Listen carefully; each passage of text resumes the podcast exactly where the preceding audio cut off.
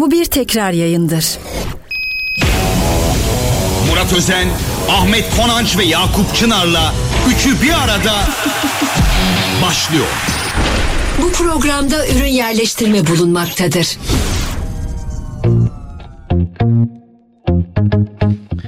Herkese merhabalar sevgili dinleyenler. Radyo Gol'de 92.2'de Üçü Bir Arada programında sizlerle birlikteyiz. Ben Yakup Çınar, Ahmet Konanç ve Murat Özen'le birlikte 2 saat boyunca Türkiye'nin futbol gündemini konuşacağız. Galatasaray'ın Manchester United maçını, Fenerbahçe maçında son yaşanan olayları, hakem açıklamaları, Türkiye Futbol Federasyonu'nun yaptığı açıklamalar. Heybemiz dolu değil mi Ahmet abi? Kesinlikle söyleyeceklerimiz var. Kendi penceremizden bakacağız. Karşı pencereden bakmaya da çalışacağız. Ee, ama ben bu yayında biraz e, biraz volümü yükselteceğim çünkü e, tabii Yakup aksini söyleyecektir ama Galatasaray'ın Fenerbahçe'nin aley- lehine ilk hata olarak kabul ettiğim bir hatada bu kadar ayağa kalkması ve ortalığı ayağa kaldırması şık değil. Bununla ilgili konuşacağım. Fenerbahçe'deki sakatların durumu ile ilgili, Ferdi'nin durumu ile ilgili konuşacağım. Hatta hemen söyleyeyim Ferdi'nin durumu çok ciddi değil. Nurşehir maçında deplasmana götürülmeyebilir ama yakın çevresine kendisinin söylediği gibi kadarıyla aktarıyorum. Durumunda öyle ciddi bir şey yokmuş. Çünkü Fenerbahçe'de son dönemde sakatlar hani uzun süre geri gelmiyor. Doktor tartışması fa- falan var sevgili Yakup. E, bunları da konuşacağız. Ligdeki yarışı da konuşacağız.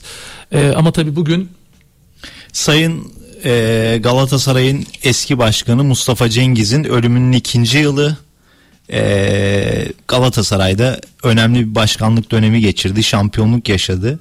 E, yani güzel bir dönem sonrasında tabii ki tartışmalı dönemler yaşandı ama e, şunu biliyor herkes Mustafa Cengiz gerçekten dürüst bir insandı ve elinden geldiğince hatta sağlığını kaybedene kadar kaybettikten sonra da Galatasaray başkanlığı yapmıştı. Ben de sabah Emre abilerin programda dinlediğim bir e, sesli klip vardı. Onu şimdi verelim ekrana sonrasında yayınımıza devam edeceğiz. Hakkınızı helal etmediğiniz kişiler var mı? Benim onlara bir hakkım yok. Benim de onlara yani edilecek bir hakkım yok. Onlara ben yani edilecek bir hakkım yok. Onların da bana hakkı yok. Kalsın Galatasaray'dan loca alanlar, bedenini koyanlar, maddi katkıda bulunanlar, bize en zor günde bir yalnız bırakmayanlara benim hakkım yok. Onların hakkı varsa helal etmek istiyorum. Bu kadar. Benim ben bir hak edecek her hakkımı görmüyorum. Ben bir ayağımız çukurda öbür ayağımız da girdiğinde gelecek yönetimlere tertemiz bir bıraktım. Ben alnım ak gezmeli. Torunum alnı açık gezmeli. Oğlum, torunum, ailem. Galatasaray en önemlisi Galatasaray taraftarları. Alnı açık. Katlanırız. Her şeye katlanırız. Ama ben Galatasaray'ın ebediyen yaşaması için varım. Ben bir nokta bile yönetimimiz değildir. Galatasaray tarihinde. Galatasaray inşallah bütün dünyayı yakalayacak. Türk futbolda diğer takımlarımızla birlikte hepsi değerli. Dünyaya İspanya, İtalya, İngiltere gibi egemen olacak. İnşallah bunu ben görmesem de sizler göreceksiniz. Çok teşekkür ediyorum. Beni bırakın. Ben zaten size hiç anlatmayayım. Dünyada benim gibi örnek yok. Yani sağlık ve tedavi ve uyguladığı yok. Yani ikinci bütün tıp doktorlarının dediği bu. Tıp doktorları senin gibi biri yok yani aynı anda. Neyse buna girmeyelim. Şimdi millet kendini mi acındırıyor diyecek. Bana hiçbir şey olmaz. Ben Türk gibiyim.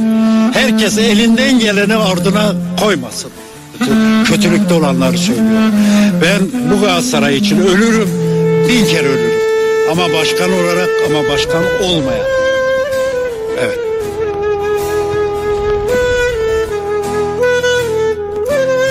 hasta yatağında dahi uyandığı zaman yakınlarının ve mesai arkadaşlarının sorduğu, söylediği borçlarda durum ne ya da maçın sonucu ne sorusunu sordu.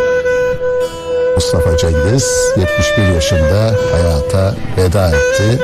Rahat uyu, nurlar içinde yat. Tekrar sana Allah'tan rahmet diliyoruz. Elveda Mustafa Cengiz.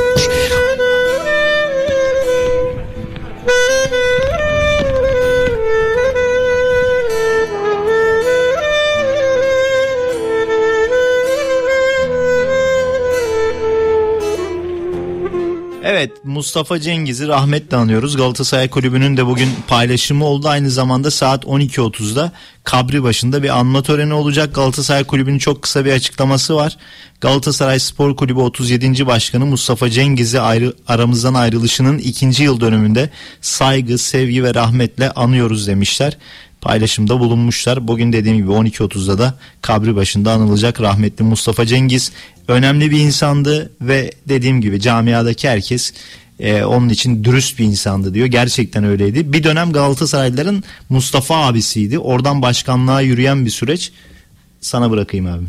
Ah, Şimdi Allah rahmet eylesin o hastalıklı dönemlerinde dahi ne kadar tutkulu bir Galatasaraylı olduğunu o cümleleriyle hani herkes konuşur kimisi kalbiyle konuşur Mustafa Başkan onu kalbiyle ortaya koyuyordu az önce de dinledik herkes bilmez ben Mustafa Cengiz'i yakından tanırdım başkanlığından önce birçok Galatasaraylı'nın eee, başkan olacağını bilmediği dönemde de tanırdım e, camia için çok önemli bir insandır Galatasaray camiası için.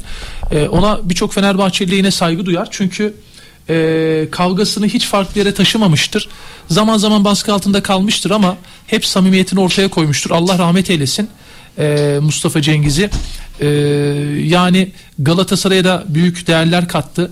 E, ama bence yaşadığı ve başkanlık yaptığı dönemde de ezeli rekabet adına hiçbir çirkinlik ortaya koymadı. Camia baskısıyla söylenmiş sözler her zaman belli oranda kabul edilebilir. E, çok iyi bir adamdı. Yakından da tanırdım. Allah rahmet eylesin. Özellikle konuşmak istedim. E, onu bir kez daha e, anıyor olmayı istedim. Allah rahmet eylesin. Mekanı cennet olsun. Evet ben de söyleyeyim bir iki şey. Allah rahmet eylesin, mekan cennet olsun. Güzel insandı, güzel başkandı. Ee, sevenlerine, ailesine tekrar bir başsağlığı dileyelim. Ee, yattığı yerde incinmesin. Mekan cennet olsun. Onun başkanım. döneminde Galatasaray'ın borçları TL'ye çevrildi. Yani Galatasaray bugünlerde borcu gerçekten azsa onun etkisi var. Olası Avrupa'dan men cezası vardı. Onu engelledi. Kulüp onun döneminde gerçekten kâra geçti. Yani çok böyle cebinden para harcayabilecek potansiyelde bir insan değildi ama kaynakları doğru kullandı. Onu söyleyelim. Onun döneminde Galatasaray 4 tane kupa kazandı. Florya Metin Oktay tesislerini geri aldı. Bir de deplasmandaki eee, Fenerbahçe galibiyeti onun döneminde tabi sportif bu ama eee, yani Mustafa Cengiz hakkında kötü konuşan Galatasaray içinde Galatasaray dışında çok insan bulamazsınız. Samimi bir insandı bir kere. Bir kez daha dediğimiz gibi mekanı cennet olsun. Ailesine sabırlar diliyoruz. Önemli bir insandı deyip Beşiktaş, Fenerbahçe ve Galatasaray'a özellikle geçeceğiz ama öncesinde Bence bunun üstüne önce Beşiktaş'la başla yumuşak geçiş yapalım. Beşiktaş'ı biraz bekleyelim çünkü, çünkü, Fener Galatasaray'a direkt girersek hoş olmaz. Yok neden? üzerinde. Çünkü başkan adayı bugün Hasan Arat'ın e, evet. lansmanı var. İki yöneticisine çıkacak. Hem onun açıklamasını bekleyelim ona göre konuşuruz. Bence Fenerbahçe'den başlayalım. E, penaltı pozisyonundan başlayalım. E, Karagümrük'e verilmeyen bir penaltı var. Sen neler düşünüyorsun Ahmet? Fenerbahçe'ye verilmeyen penaltı. Ya onu tartışırız. Sen şu Samet Aybaba'yı şey Samet Aybaba diyorum. İşte Samet'i bir konuş. İşte algı yapıyorsunuz burada. Ne Ben algısı abi? Pena, po- penaltı olan dakika pozisyonu abicim, neyin algısını yapacağız abi? Bak bu ama sen, aldım. Ama sen Konuşmam. algı yapıyor diyorsun abi. Ne demek? Algıyla ne alakası var abi? Pozisyon penaltı mı değil mi? Ben önce Sorunu söyle. sor ve kenara çekil. Tamam çekildim kenara. Söyle hadi. Sorunu sor kenara çek. Gireceksen ben sana müsaade ederim konuşabiliriz. Ben seni dinlerim. Ben seni severim ve sayarım. Ama sorunu sorup benim cevabımı Ama algı algı yaratıyorsun Aynı diyorsun şeyi abi sen de direkt. Algı yaratıyorsun. Niye? Penaltı değil mi? Abicim müsaade etmiyorsun ki benim Tamam, adıma cevap abi, buyur. veriyorsun. Buyur, konuş Şimdi ben sana ikinci soruyu hemen sorduğumda senden beklerdim. Evet onu da konuşalım. Ama önce bunu konuş dediğin zaman olmuyor. Bir kere Samet'in orada pozisyonu penaltı. Ama Samet olmasa kaleci güzel var bu, orada. bunu bunu söylemen güzel. Bir dakika. bir Yok dakika. niye güzel biliyor Ama bunu musun? ayırdığın zaman olmuyor. Abi ayırmayacağız. Şimdi sakın Bak, bunu böyle tweet atmayın. Söyleyeceklerini bütün Hayır Kim- pozisyonu da bir şey penaltı. diyeceğim. Şimanski'nin pozisyonu da penaltı Evet, zaten. Ama Bak, sordum bunu- evet o da penaltı de. O zaman Şu- şimdi söylüyorum. yüzden sordun. sordum az önce sordum. Hayır sormadın ya. 3 saniye öncesini Şimanski'yi unutmaya sordu mu? Hayır. 3 saniye öncesini unutuyorsun. Bak bugün gözlerin de iyi bakmıyor Şimanski'yi sordu mu? Sana bir kahve falan. Ablamız nerede? Yo yo söyledi Murat'a bir kahve söyleyelim. Gözleri de iyi bakmıyor. Çok donuk. Hayır Sordum. zaten penaltı diyor. Sordum. Orada bak olay ne biliyor musun? Yani bu pozisyonun bu kadar çok konuşulmasının sebebi Fenerbahçe'de belli bir kitle özellikle sosyal medyada bu pozisyona artı İsmail Kartal basın toplantısında bu pozisyonla ilgili yorum yapmadı ve pozisyonun penaltı Şimdi- olmadığını iddia ettiler. Bu pozisyon o yüzden büyüdü. Yoksa evet Şimanski'nin pozisyonu da Şimdi penaltı. gelelim İsmail Kartal yorum yapmadı falan. İsmail Kartal'ı bazı arkadaşlar e, yorum yapmıyorum diyorsun ama geçmişte hakemi konuşmuştum. Bu maçta işine geldiği için konuşmadı diye yaftaladı. Sen öyle demedin ama onu bir şekilde hatırlattın. İsmail Kartal'ın Fenerbahçe'nin canını yine Kadıköy'de çok yakıldığı bir maçtan sonra örnek gösterilen bak hakemi konuşmuşsun denilen konuşmasında adam yine konuşmuyor. Başkanımız konuşacak diyor. Bir kere bunları bir kenara ayıralım. Samet'in pozisyonu penaltı. Ama bu pozisyona penaltı vermeme kapısı da açık. Bence tartışılır bir penaltı ve ben bu konuda penaltı noktasında ikna oldum. Fakat Rize'de Galatasaray'ın tek golle kazanmasını sağlayan gol öncesi Abdülkerim'in fauline faul demeyenler, Kopenhag yorgunu Galatasaray'ın Antalya'da 1-0 geriye düşeceği Kazımcan'ın çekmesindeki penaltıya penaltı demeyenler bu pozisyona penaltı diye bağırarak gelmesinler. Bu pozisyonda Samet olmasa ki Samet'in kolu vücut bütünlüğünün önünde. Ayrıca olmasa zaten kalecide. Yani o pozisyonda top kaleye vesaire gitmiyor. Ama bu bir mazeret değil. Bu bir yine de penaltıdır. Şimdi benim burada devam edeyim mi e, bu konuyla alakalı? Biraz girecek misiniz? Çünkü bir, bir dakika, bir buçuk dakika rica ediyorum sizden bir bütünlük açısından. İstersen sen gir. Yo sen devam tamam. et. O zaman şunu söyleyeyim. Şimdi Galatasaray'ın açıklamasına sonra gireceğiz değil mi? İsmail Kartal konusu. Çünkü şöyle söyleyeyim dur, bak penaltıdan bir gideyim. Ha okey. Penaltı ile ilgili. Abi hani çok özür dilerim bir WhatsApp hattını isterseniz bir hatırlatalım. Onunla ilgili soru gelmiş. Hemen ondan sonra Ahmet abi devam etsin. neydi numaramız? 0212 273 10 10 0212 273 10 10 numaralı WhatsApp hattından mesajlarını gönderebilir dinleyicilerimiz. Evet abi. Şimdi söz penaltıyla bağlantılı Galatasaray'ın tepkisiyle devam etmek istiyorum ben. Şimdi Niye Şimanski'nin pozisyonunda penaltı konuşalım. olduğunu Abi niye Galatasaray'a girdi? söyledik. Evet abi Niye bir Galatasaray'la ne Galatasaray'a alakası girdi? var? Ya Galatasaray açıklama yapmadı mı? Galatasaray büyütmedi mi?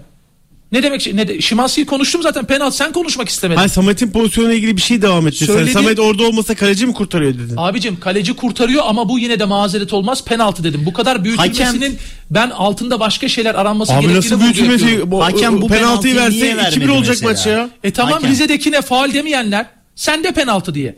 Rize'deki gol öncesine faal demeyen, Kazımcan'a Antalya'da penaltı demeyenler buna penaltı demesin diyorum ben.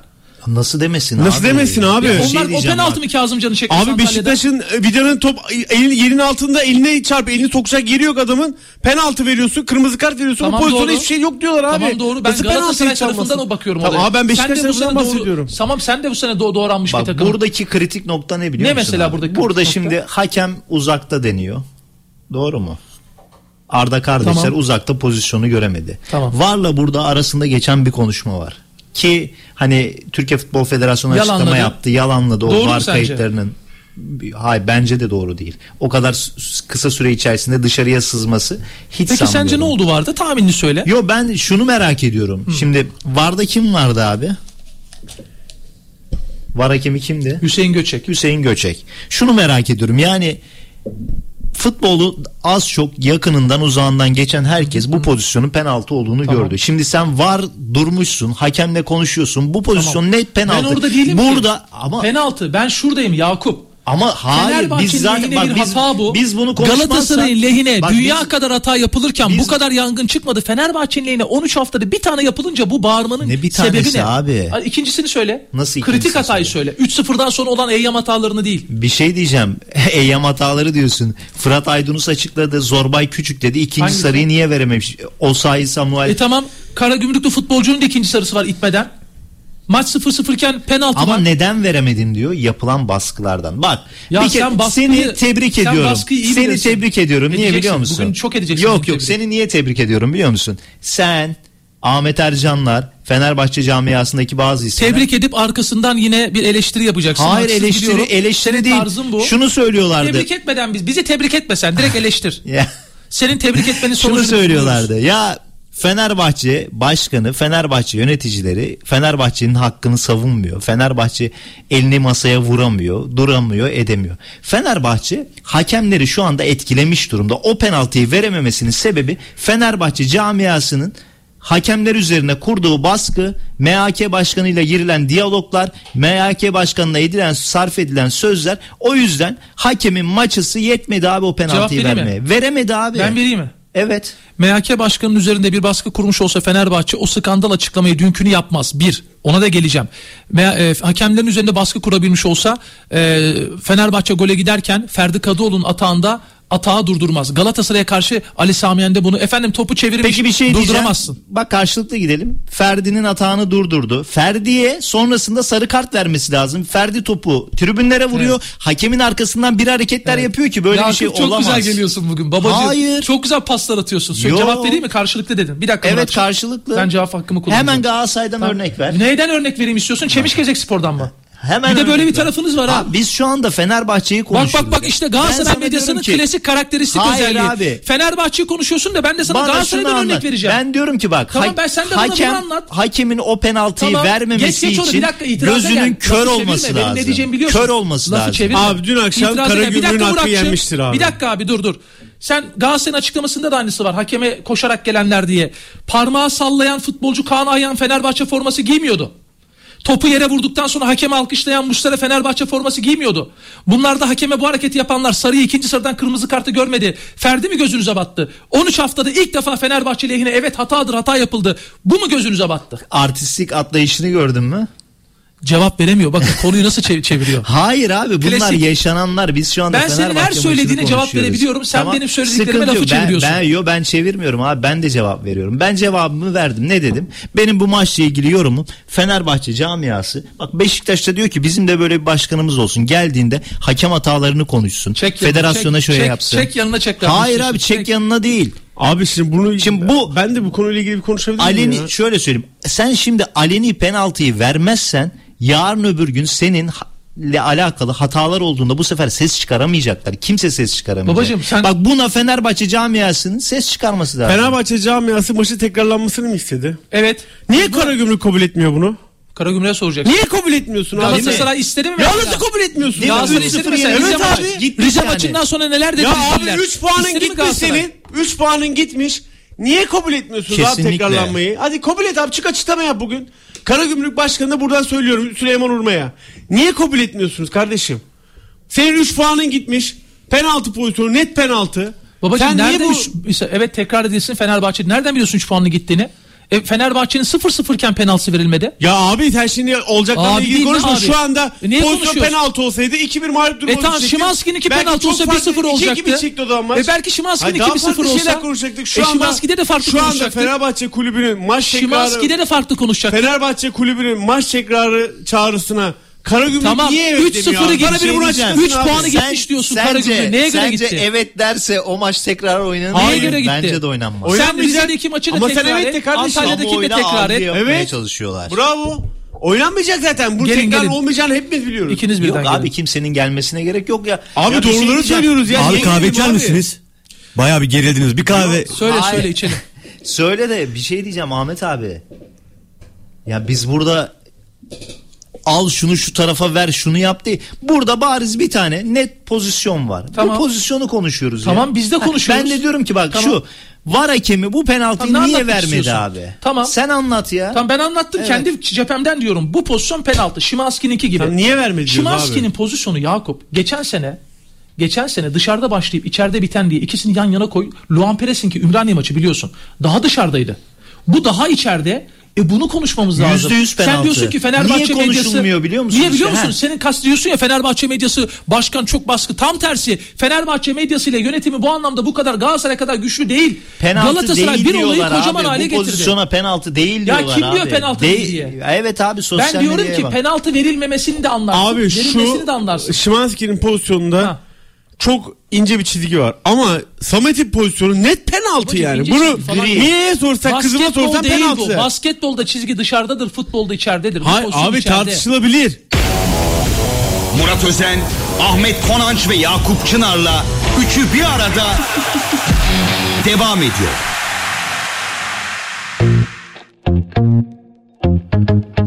Evet şu anda Beşiktaş Kulübü Başkan Adayı Sayın Hasan Arat e, canlı yayında. Yanında Samet Aybaba ve Feyyaz Uçar var. E, isterseniz biraz oraya ses verelim. e, sonra devam edelim. kaptanları, sporcuları biz aslında üçümüz de Beşiktaş formasını taşımız insanlarız ve bu belki de ilk defa oluyor. Yani bunu Türk spor kamuoyunun Beşiktaş'ın çok iyi anlayacağını düşünüyoruz. Çok değerli bir olaydır bu. Buna cesaret etmek, bunu düşünmek, bunu hayata geçirmek çok kıymetlidir. Ben buna çok inanan bir insanım. Tüm çalışma arkadaşlarım aynı şekilde çok inanıyoruz. Hakikaten çok çalıştık ve inandığımız bir yolda devam ediyoruz. Moralimiz çok iyi. Ufak tefek yorgunluklar olsa da hiç yılmıyoruz yani. Bir günde dört şehir dolaştığımız oldu. O gördüğümüz sevgi, yoğun ilgi e, bizi çok memnun ediyor. Bu ilgi Beşiktaş ilgisi. Biz şu anda bir vesileyiz. Geldik. Böyle bir şekilde bir mücadelenin içerisine girdik ama asıl olan burada Beşiktaş. Hakikaten Beşiktaş sevgisi Türkiye genelinde ve Avrupa'da inanılmaz boyutlarda. Sonuç ne olursa olsun takımlarından herkes ümitliler. Biz bu yeni yapılanmada hiçbir şeyin geç olmadığına inanıyoruz. Değerli arkadaşlarımla birlikte e, ve antrenörümüzle birlikte biz bu sıkıntılı günleri çok rahat aşacağımızı düşünüyoruz. Çünkü Beşiktaş o formayı giydiğin zaman tek hedefi olur Beşiktaşlı'nın o da şampiyonluktur. Bizim hedefimiz hiçbir zaman değişmeyecek. Bunu bir kere herkesin bilmesini istiyorum. Biz sporu ve idareyi ayırıp hedefleri belli bir noktada toplayacağız. Dolayısıyla idareyi yapanlar sporun günlük işlerine karışmayacaklar. Yani onlar kulübün büyümesi için hamlelerde mücadele edecekler. Sporu sporcular yönetecek. Sporu spordan gelenler yönetecek. Çok net. Ve bunda da çok kararlıyız. Biz kendilerinden gelecek raporlar ve girişimler doğrultusunda onlara bu işlerin olabilmesi için her türlü kapıyı açacağız. Ama bunun inşaatını, bunun hedefini buradaki arkadaşlarımız oluşturacak. Aynı hep konuşulur ama yapılmazdı. Bayern Münih örneğinde olduğu gibi. Buyurun şu anda Türkiye'de bu imkanı biz sunuyoruz. Beşiktaşlı bunu iyi değerlendirsin. Beşiktaşlı sandığa gelsin oyuna atsın. Bizim bu hayallerimize ortak olsun. Biz burada bir vizyon koyduk. Bu vizyon Türkiye'de sanırım gereken anlayışla karşılaşır. Sporu bilenler, sporun içinden gelenler e, bunun ne demek olduğunu gayet iyi biliyorlar. Şimdi bazı şeylerle de bunu ispatlayacağız şimdi sizlere. Sizlerle paylaşacağız. İlk önce ben Sayın Feyyaz Uçar'ı sizlerle tekrar tanıştırmak istiyorum. Sayın Feyyaz Uçar ligde Beşiktaş formasını giydiği 320 maçta rakip kalelere 170 golle tarihin en golcü futbolcusu ünvanına sahiptir. Beşiktaş Jimnastik Kurulu divan kurulu üyesidir. Biliyorsunuz biz hepimiz divan kurulu üyesiyiz aynı zamanda. Marmara Üniversitesi Atatürk Eğitim Fakültesi Beden Eğitimi ve Spor Bölümü futbol ihtisas mezunudur. Liyakatı konuşuyoruz değil mi hep? Her zaman. Evli ve iki çocuk babasıdır. İngilizce, Fransızca ve İtalyanca biliyor.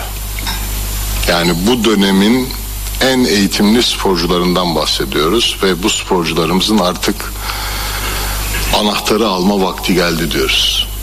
Ve biz bu sorumluluğu aldığı için Sayın Feyyaz Uçar'a çok teşekkür ediyoruz. Feyyaz Uçar Avcılar Kulübü'nde başladıktan sonra kısa bir süre sonra Beşiktaş genç takımına geldi. 82-83 sezonundan itibaren A takım kadrosuna yükseldi. Siyah beyazlı formayı giydiği 12 sezonda 421 maçta 211 gol kaydetti. Beşiktaş Divan Kurulu üyesi olduğunu size söyledim. Beşiktaş formasıyla 4 Türkiye Ligi, 3 Türkiye Kupası, 4 Cumhurbaşkanlığı Kupası, 1 Başbakanlık Kupası, 6 TSE'de kupası yaşayan Uçar 89-90 sezonunu ise gol kralı olarak tamamladı.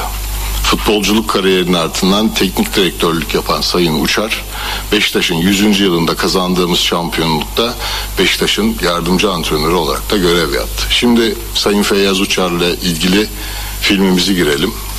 İşte sabahın altısında öyle uyandım hani ve bir an kardeşimle göz göze geldik. Böyle ben bir an bir şey oldu zannettim ona. Çünkü böyle dümdüz bakıyordu hiç gözlerini falan kırpmadan. Cemil ne oldu dedim falan. Bana abi dedi Feyyaz ne yapıyordur şimdi dedi.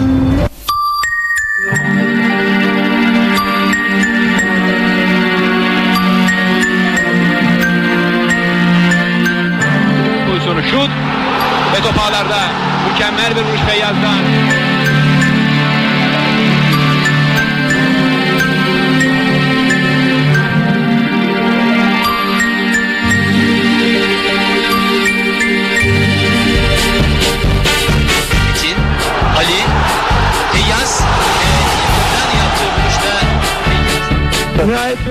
Evet Hasan Arat'ın lansmanı devam ediyor. Sayın Hasan Arat e, Beşiktaş Kulübü Başkanı olması durumunda Samet Aybaba'nın futbol takımları genel koordinatörü olacağını resmi olarak az önce duyurdu. Ee, yanında yöneticimiz yani olacak eğer seçilmiş durumda Feyyaz Uçar'ın da e, yönetici olarak e, Beşiktaş Kulübü'ne hizmet edeceğini bildirdi. E, iki önemli isim camianın e, efsaneleri tabi Hasan Arat'ın bu hamlesi bakalım kongreye nasıl yansıyacak e, bunu gerçekten merak ediyorum. Ee, Serdar Adalı cephesi de biliyorsunuz Mehmet Özdil'i futbol direktörü yapacağını açıklamıştı. Ee, burada şu anda iki tane efsane var. Biri Rıza Çalınbay, e, pardon biri e, Samet Aybaba, diğeri de Feyyaz Uçar. Serdar Adalı'da da sadece Mehmet Özdilek. E, bakalım Serdar Adalı'dan nasıl bir hamle gelecek merak ediyoruz. Hasan At konuşmaları devam ediyor. Tekrar oraya bağlanıyoruz. Ama hepsini yeneceğiz kardeşim. Hakemleri de yeneceğiz. Rakipleri de yeneceğiz.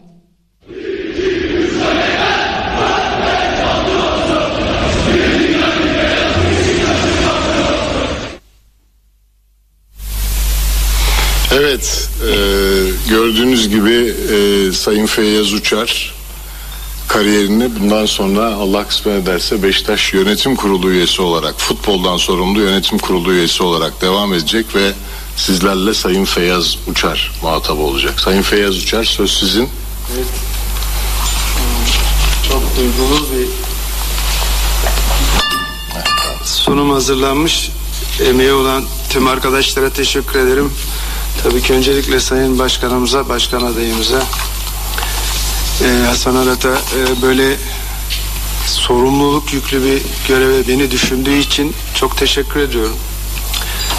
E, büyük teveccüh gösterdi kendisi. E, bizler çoğu yerde işte futbolcu eskileri diye ya da eski futbolcular söylemek istemeyenler böyle söylerler. Kariyerini sonlandırmış şahısların e, çoğu e, şu anda bana teklif edilen, e, bana layık görülen görevi bekler hayatı boyunca. Çok azı da böyle bir şerefe nail olur. Eğer üyelerimiz teveccüh gösterip bu göreve bizi layık görürlerse inşallah Beşiktaş'ta böyle onurlu bir görevde e, elimden geleni yapmaya çalışacağım. Güzel tarafları var işin. Daha sonra tabii yine konuşacağız. Öncelikli olarak tabii ki Sayın Başkan'la birlikte olmak e, çok keyifli, çok onur verici. Diğer yandan kaptanlığımı yapan Beşiktaş'ta Samet Aybaba'nın da projenin içinde olması çok güzel. İşin uzantısında bir de Rıza Çalınbay var. O da kaptanım. Beşiktaş'ta hiç kaptan çıkamadım bu ikisi yüzünden ben. Samet abi geldi. Sonra Samet abi yolladık ama Rıza'dan sonra Rıza geldikten sonra hiç alamadık. Hatta bizim kendi aramızda bir espri vardı. Ee, üçüncü, dördüncü sezon muydu neydi artık Rıza devamlı kaptan tartışılmıyor bile. İşte kolluklar vardır biliyorsunuz. Dedik ki Rıza'ya artık dövme yaptıralım buraya. Uğraşmayalım habire e, değişmeyelim falan diye. Öyle bir mazide güzel anılarımız, kendi aramızda esprilerimiz vardı. Tabii ki ilerleyen dönemde e, yine bildiğim, tanıdığım, sevdiğim bir ortamda bir e, grupla birlikte olacağım için çok mutluyum. Ben tekrar teşekkür ediyorum. E, işin bir de diğer tarafı var tabii. Bu seçimde çok fazla proje konuşuluyor. Bu da bizlerin çok hoşuna gidiyor. Çünkü daha önceki seçimlerde genelde kişilerin üzerinden yürürdü seçim çalışmaları ama e, Beşiktaş'a yakışır bir şekilde olması gerektiği bir şekilde e, bu sefer yapılacak olanlar, projeler, planlar, programlar var. E, böyle bir e, ön hazırlığın en azından içerisinde olmaktan ayrıca e, mutluluk ve gurur duyuyorum. E, uzun zamandır da e, futboldan sonra böyle e, basın mensubu arkadaşlarla bir araya gelememiştik. E, özlemişim. Bir de heyecanlıyım şu anda e, ama zaten e, beraber çalıştığımız arkadaşlarımız da buradalar. E, şu anda yorumculuk yapıyorum. E, tabii ki e, Beşiktaş'ta bu göreve gelirsek seçim sonrasında eğer tabii ki seçimi inşallah e, alnımızın akıyla e, başkanımızın e, emeğine yakışır bir şekilde sonlandırırsak e, bundan sonra sadece Beşiktaş'a çalışacağım. Beşiktaş için mesai harcayacağım. Başkanım lafı al ben konuş susmayacağım. E, Uzun zamandır böyle bir ortam bulamadım. Ne güzel, E, ne güzel. katılımınız için çok teşekkür ediyorum. Çok teşekkürler. Hayırlı olsun Sayın Feyyaz Uçar. Teşekkürler başkanım. Değerli basın mensupları, şimdi Sayın Samet Aybaba'yı, değerli kaptanımızı size tanıştıracağım. Samet Aybaba'yla tanışıklığımız bizim aynı dönemde spor yaptığımız günlere uzanır. Abbas Ağa Parkı'nda Beşiktaş'ın bize tutmuş olduğu bir ev vardı. Basketbolcular orada kalırdı. Yan komşumuz Samet Aybaba'ydı. Biz o dönemden başlayan dostluk ve sempatimiz yıllarca devam etti. Ve bu yolculukta yolumuz kesişti ve Beşiktaş'ın gelecek stratejisinin tamamını yurt içi ve yurt dışı danışmanlarıyla birlikte Sayın Samet Aybaba önderliğinde geliştirdik bugüne kadar. Ve oluşturacağımız iskeletin Beşiktaş'taki lideri Sayın Samet Aybaba olacak.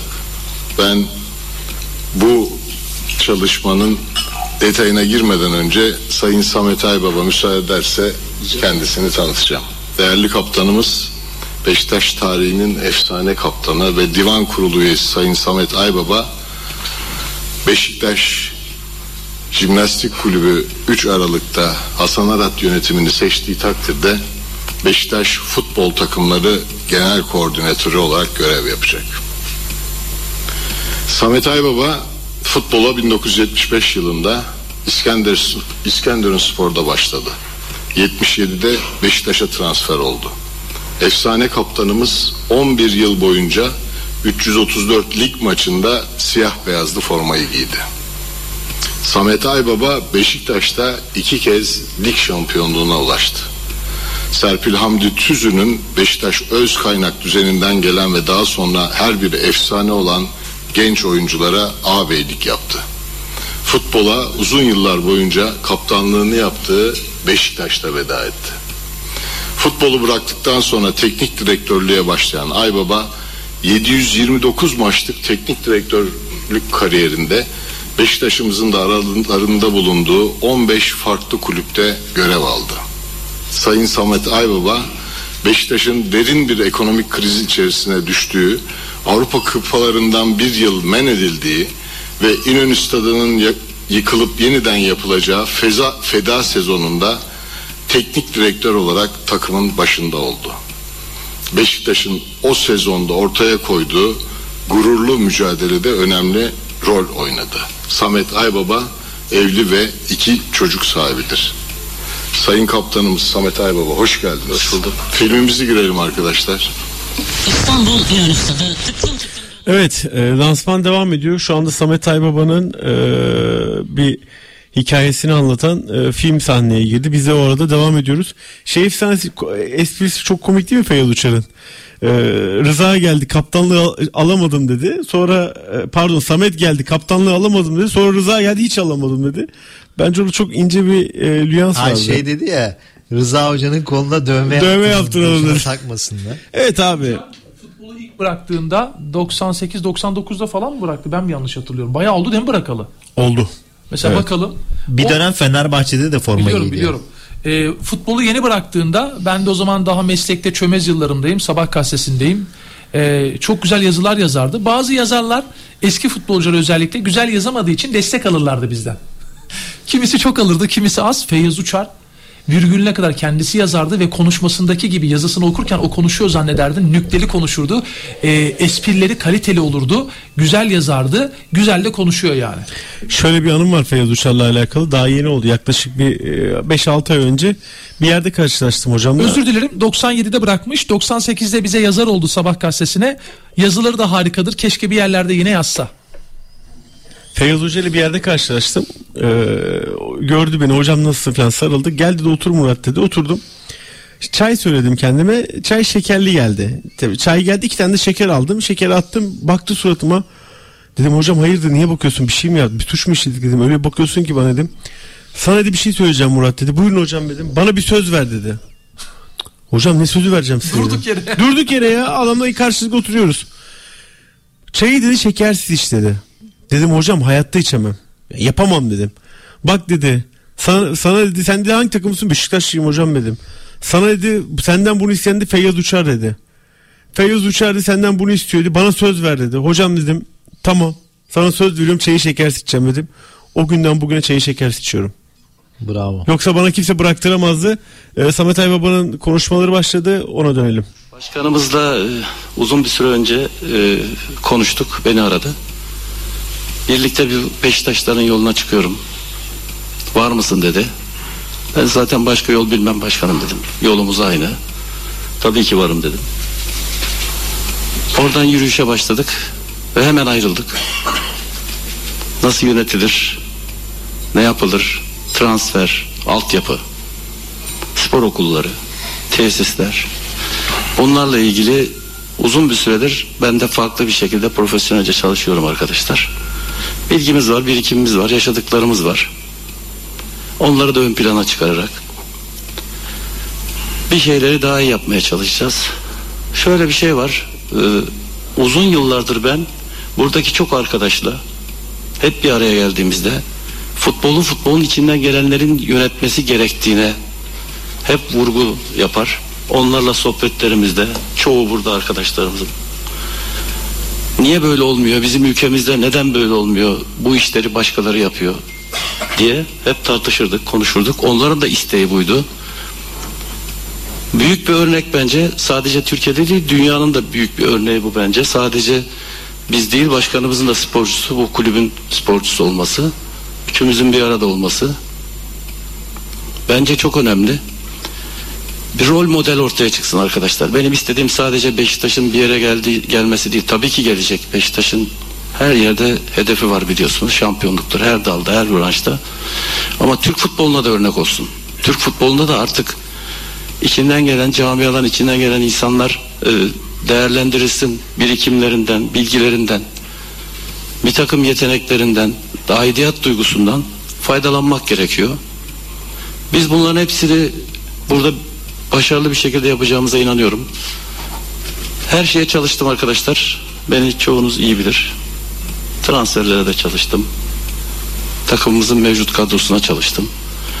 Altyapı burada mütevazi olmayayım. Türkiye'de en iyi benimdir. Severim çünkü. Evlatlarımızın bir yerlere gelmesini çok isterim. Onlar bir yere geldiğinde aileleri mutlu olacak, şehir mutlu olacak, takım mutlu olacak. Beni çok etkiler. Hep söylem halinde herkes altyapıya şunu yapacağız bunu yapacağız. 2013'te ben Beşiktaş'ta çalışırken e, Antalya'da TSE'de toplantısı vardı. Belki içinizde olanlar da vardır. Orada dedim ki altyapıya gidemiyorum çünkü utanıyorum dedim. Bir konteynerda soyunuyor evlatlarımız. Çok kısıtlı imkanlarda. O biraz düzenlendi falan ama hala bir halı sahada herkesin söylemi gelirken işte altyapıya önem vereceğiz, tesis yapacağız. Bugüne kadar olmadı arkadaşlar. Ben içinde olmamama rağmen Beşiktaş'ın altyapısına bir tesis kazandırmak için 6 ayımı verdim. Bir arazi e, ortaya çıktı. Biz yapacağız arkadaşlar. Beşiktaş'ın altyapısını o araziye götürüp en iyi tesis yapacağız. Türkiye'deki en iyi tesis yapacağız. Ve transfer ne kadar bizim için önemliyse evlatlarımız da bizim için ne kadar önemli olduğunu herkese göstereceğiz. Ayrıca da bu kısıtlı imkanlarla bir halı sahada milli takım altyapılarına 11 tane oyuncu veren altyapı hocalarına da teşekkür ediyorum. Onlarla devamlı görüşüyorum. Fulya'nın önünden bile geçmeyen arkadaşlarımız şu anda altyapıyla ilgili yorum yapıyor. Olsun. Altyapının söylem haline getirilmesi bile çok keyif verici bir şey. Başkanıma teşekkür ediyorum. Bizi e, bu konuda yetkilendirdi, görevlendirdi. Biz Beşiktaş ailesiyiz. Üç ferdi burada. Rıza her yerde beni kovalar biliyorsunuz. En çok maça çıkan hoca bendim. Sonunda beni geçti.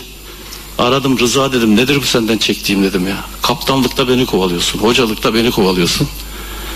Biz bir aileyiz. Tabii ki içimizde sorunlarımız olacak. Tartışacağız. Keyifli günlerimiz olacak. Kötü günlerimiz olacak.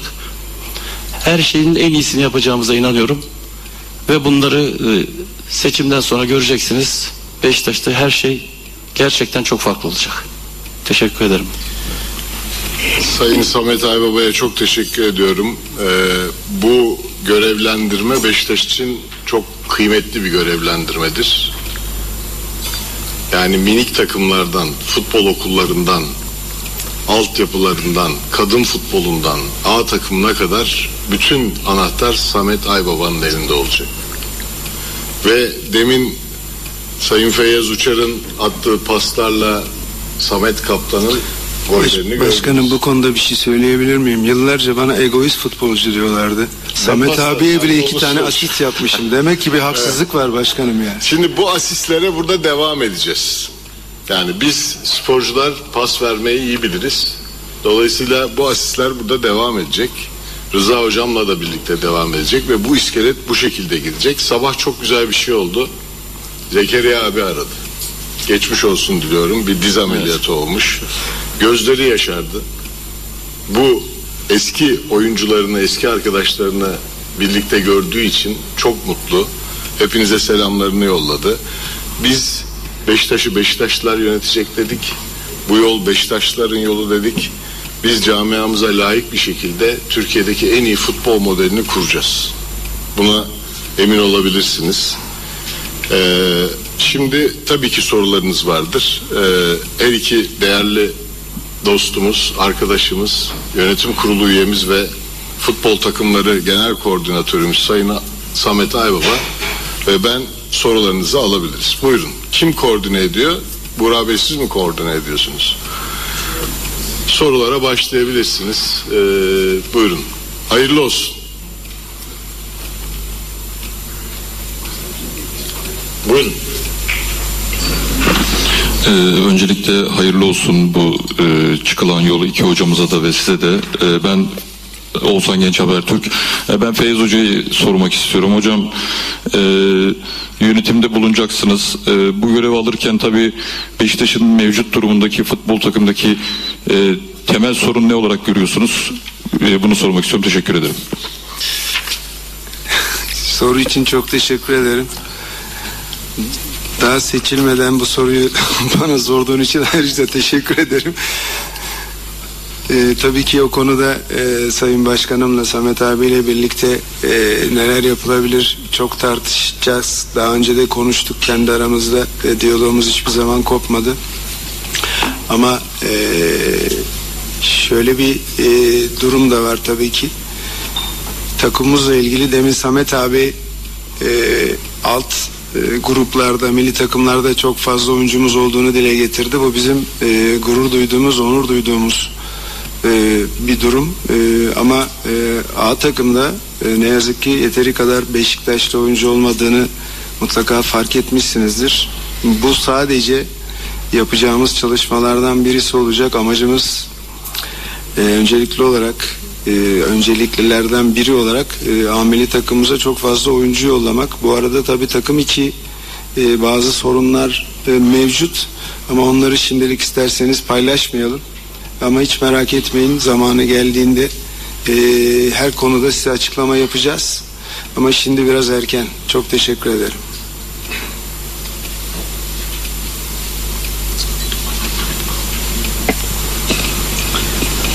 Fatih Doğan Sabah TRT Spor. Öncelikle hayırlı olsun. Ee, değerli Samet abimiz, Beyaz hocamız. Sizleri burada görmek son derece keyifli ve heyecan verici. Ben e, Samet hocama sormak istiyorum. E, futbol takımının yapılanması dediniz, altyapı dediniz, Beşiktaş ruhu dediniz. E, bunların e, hayata geçirilmesi için, özellikle futbol takımının toparlanması için ee, ne kadarlık bir süreye ihtiyaç var ya da sizin hayallerinizin ve gerçekleş, gerçekleştirmek istediğiniz e, değişimin dönüşümün oluşması için ne kadar bir e, iktidarda kalma süresine ihtiyacınız var çok teşekkür ederim saygılar Evet arkadaşlar bunların hepsi benim konularım biliyorsunuz. 50 yıl oldu bu işin içindeyim. Birçok takıma gittim. Öncesi, sonrası, içi, dışı bir sürü karmaşık şey var. Biz göreve başladığımız andan itibaren bu kadronun içindeki her oyuncu bizim oyuncumuzdur. Bir kere nettir bu arkadaşlar. Performansları aşağı olan oyuncuları yukarı çıkarmak veya performansı iyi olan oyuncularımızı ödüllendirmek hocamıza şu anda Rıza hocamıza her konuda destek vermek. Bizim birinci önceliğimiz bu. Sonrasında tabii kadro yapılanması ile ilgili ben çok geniş bir çalışma yaptım. Başkanımızın ilişkilerinden kaynaklanan e, bir takımlarda bazı takımlarda oyuncu e, portreleri var. Onlar üzerine çalıştım. Kolay bir şey değil ama şunu size net söyleyebilirim. Çok doğru olacak. Her şeyi doğru olacak. Her şeyi paylaşacağız. Çok doğru oyuncular alacağız. Doğru oyuncular aldığımızda hepimiz ikna olduktan sonra performanslarına bakacağız. Tabii ki bunların bir süreç içinde olması yani sürecin ne kadar uzayacağını mesela devre arası geliyor önümüzde. Hazırız. Orada e, neler yapılması gerektiğini biliyoruz. Hocamızla konuştuk. Arkadaşlarla konuşuyoruz. Beşiktaş'ın içinden çıkmış burada olmayan diğer arkadaşlarımızla konuşuyoruz. Ne yapabiliriz geniş bir alana yayıyoruz arkadaşlar. Ama en kısa sürede hem içerideki oyuncuların performansını yükseltmek hem bu takım performansına hangi mevkilerde oyuncular katkılı olacak diye de çalışmalarımızın hepsi hazır arkadaşlar. Kartal Bey.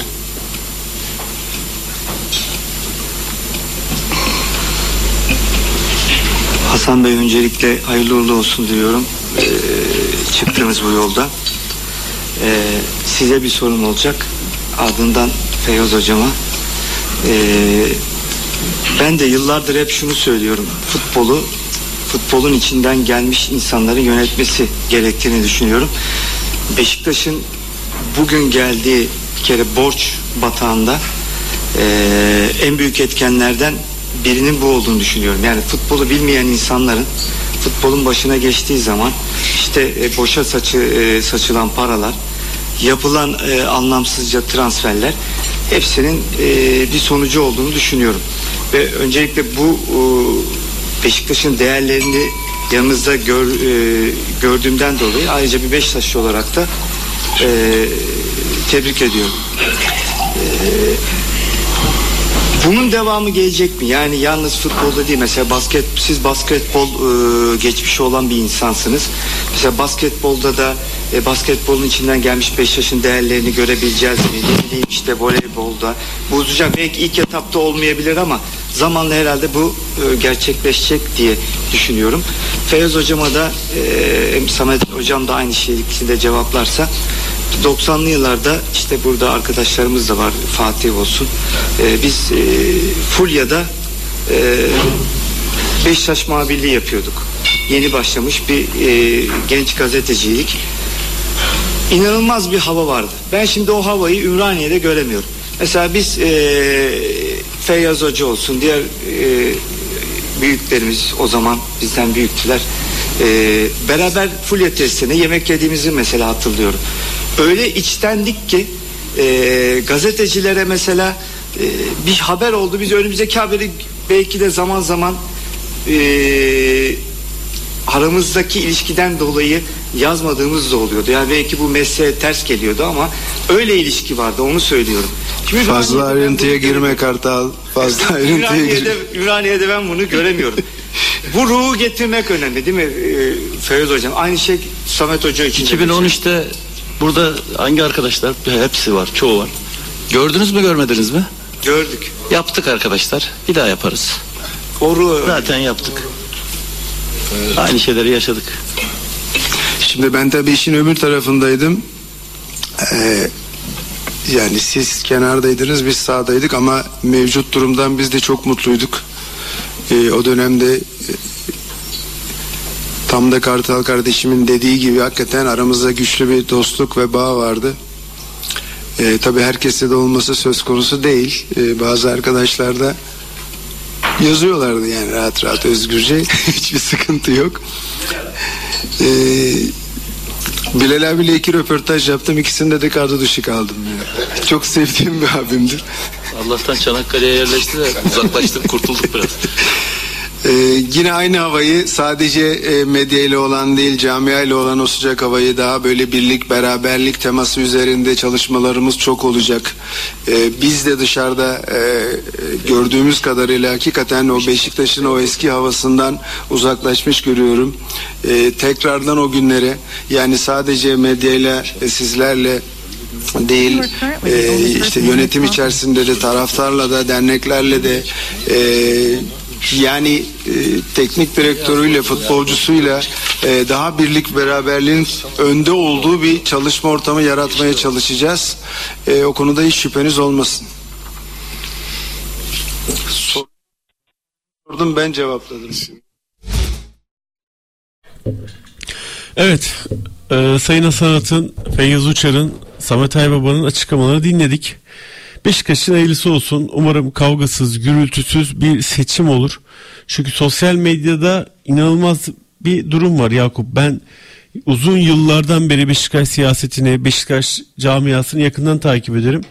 Ben ilk defa böyle bir şey gördüm. Ee, yani Hasan Arat'a mobbing uygulandığını düşünüyor Beşiktaş taraftarı. Aslında bence öyle bir şey yok. Biz her Kim uyguluyor? ya bir basının, muhabirlerin mobbing uyguladığını düşünüyorlar. Ee, bence öyle bir şey yok. Ben e, Hasan Arat'ın iletişim bölümünün attığı her haberi e, resmi olarak kendi ortaçizgi.com'da internet sitesinde yayınlıyorum.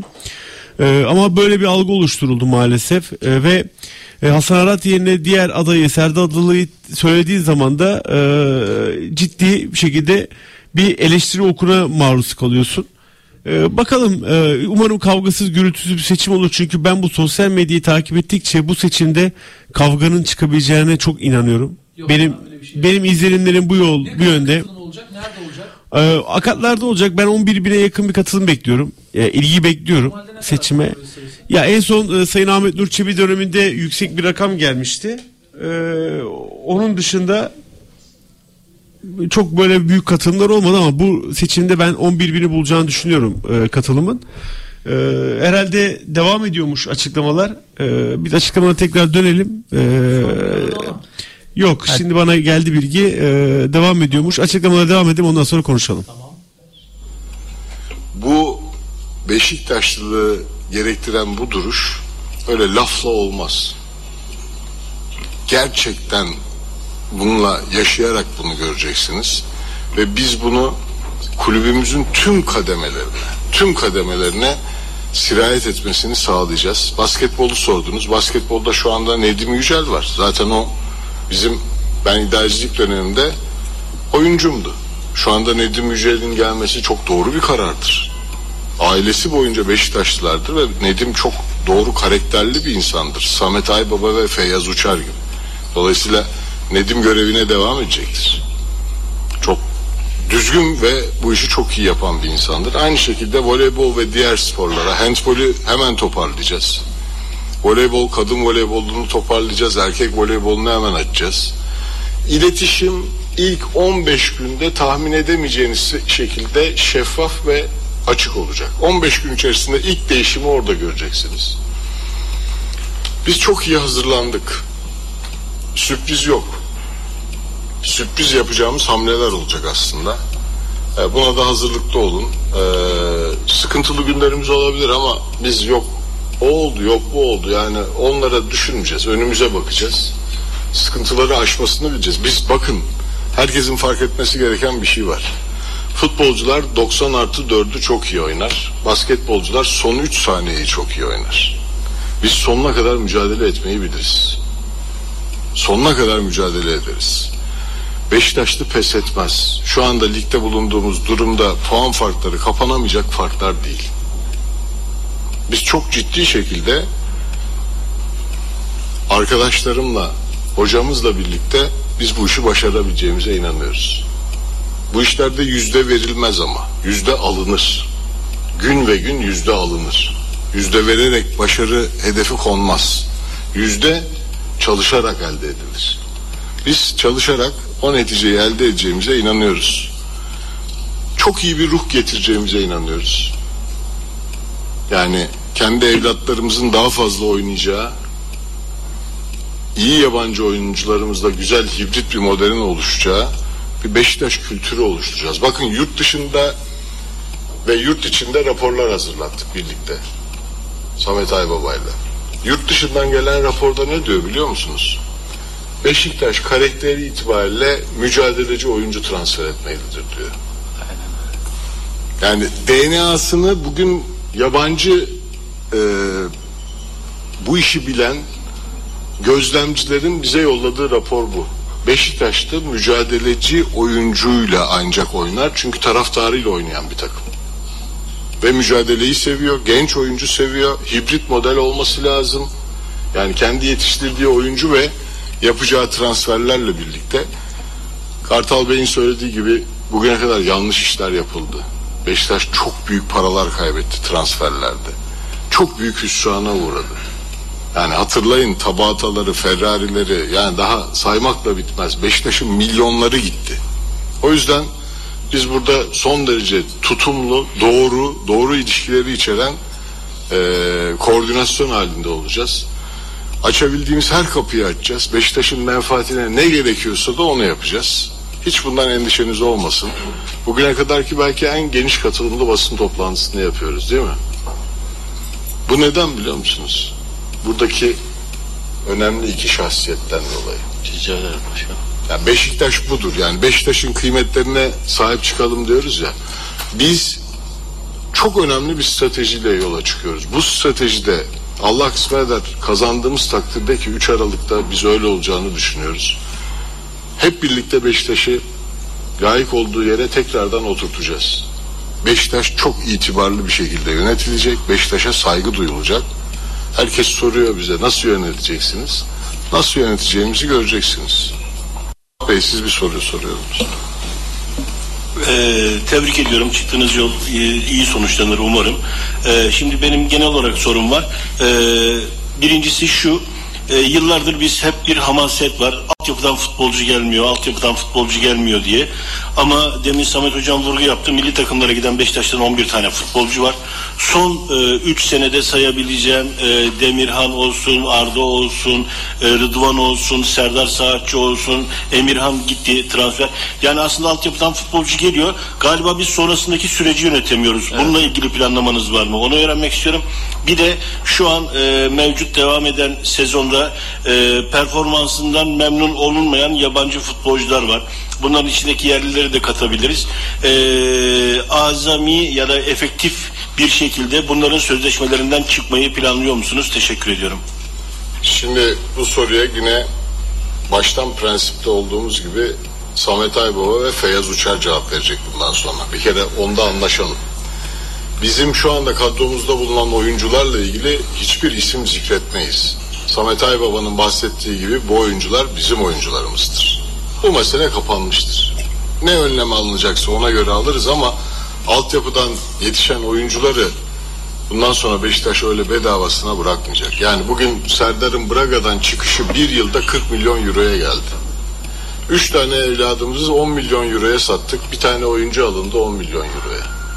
Şimdi bu kontratlar daha erken yaşlarda yapılacak. O yüzden futbol koordinatörü daha 8-10 yaşındayken çocuklar aileleriyle oturacak, gereken anlaşmaları yapacak. Öyle 40 dakika oynadıktan sonra hemen me- menajerlere çocuklar teslim edilmeyecek. Yani ben Samet Bey'e bu konuda söz vermek istiyorum. Evet, e, altyapıdan oyuncular e, yetişiyor. Demin de söyledim o bir halı sahada bunu başarıyor arkadaşlarımız. Gerçekten çok büyük emek veriyorlar. Kendilerine bir, tek, bir kez daha teşekkür ederim. Şöyle oluşturacağız arkadaşlar. Oyuncular geliyor 13-14 yaşından sonra yukarı doğru gittiğinde ilişkiler bozuluyor. Menajer giriyor, aile giriyor, annesi giriyor, amcası giriyor. Bir sürü sorunlar çıkıyor ortaya. Biz önce bunları çözeceğiz. Bir de içimizden çıkan değerleri bu kadar kolay, bu kadar basit, hatta mukaveleden kaynaklanan saçma sapan anlaşmalarla başka kulüplere göndermeyeceğiz arkadaşlar. Ama biz niye yetiştiriyoruz? Hem performans olarak katkısı olsun, hem kulübümüzün içindeki heyecanı arttırsın, altyapı oyuncusu katkılı oluyor diye. Bir de para kazanalım arkadaşlar. Öyle değil mi? Biz sadece para verip oyuncu almayacağız. Para eden oyuncu tipi de alacağız dışarıdan. Aşağıda, aşağıdaki oyuncuları da bu hale getireceğiz. Mesela geçen sezon dört tane oyuncumuzu, genç oyuncumuzu sattılar biliyorsunuz. Bana söylediklerinde ilk ağzımdan çıkan şu oldu. Beşiktaş'ın geleceğini sattılar. Yanlış arkadaşlar. Planlayacaksınız. Biz onları ben çok şeyler yaptım bununla ilgili arkadaşlar. Sınıflar ya açtım, İngilizce dersleri, psikologlar, analizciler bu çocuklarla birebir, aileleriyle birebir toplantılar. Biz bunların hepsini yapacağız.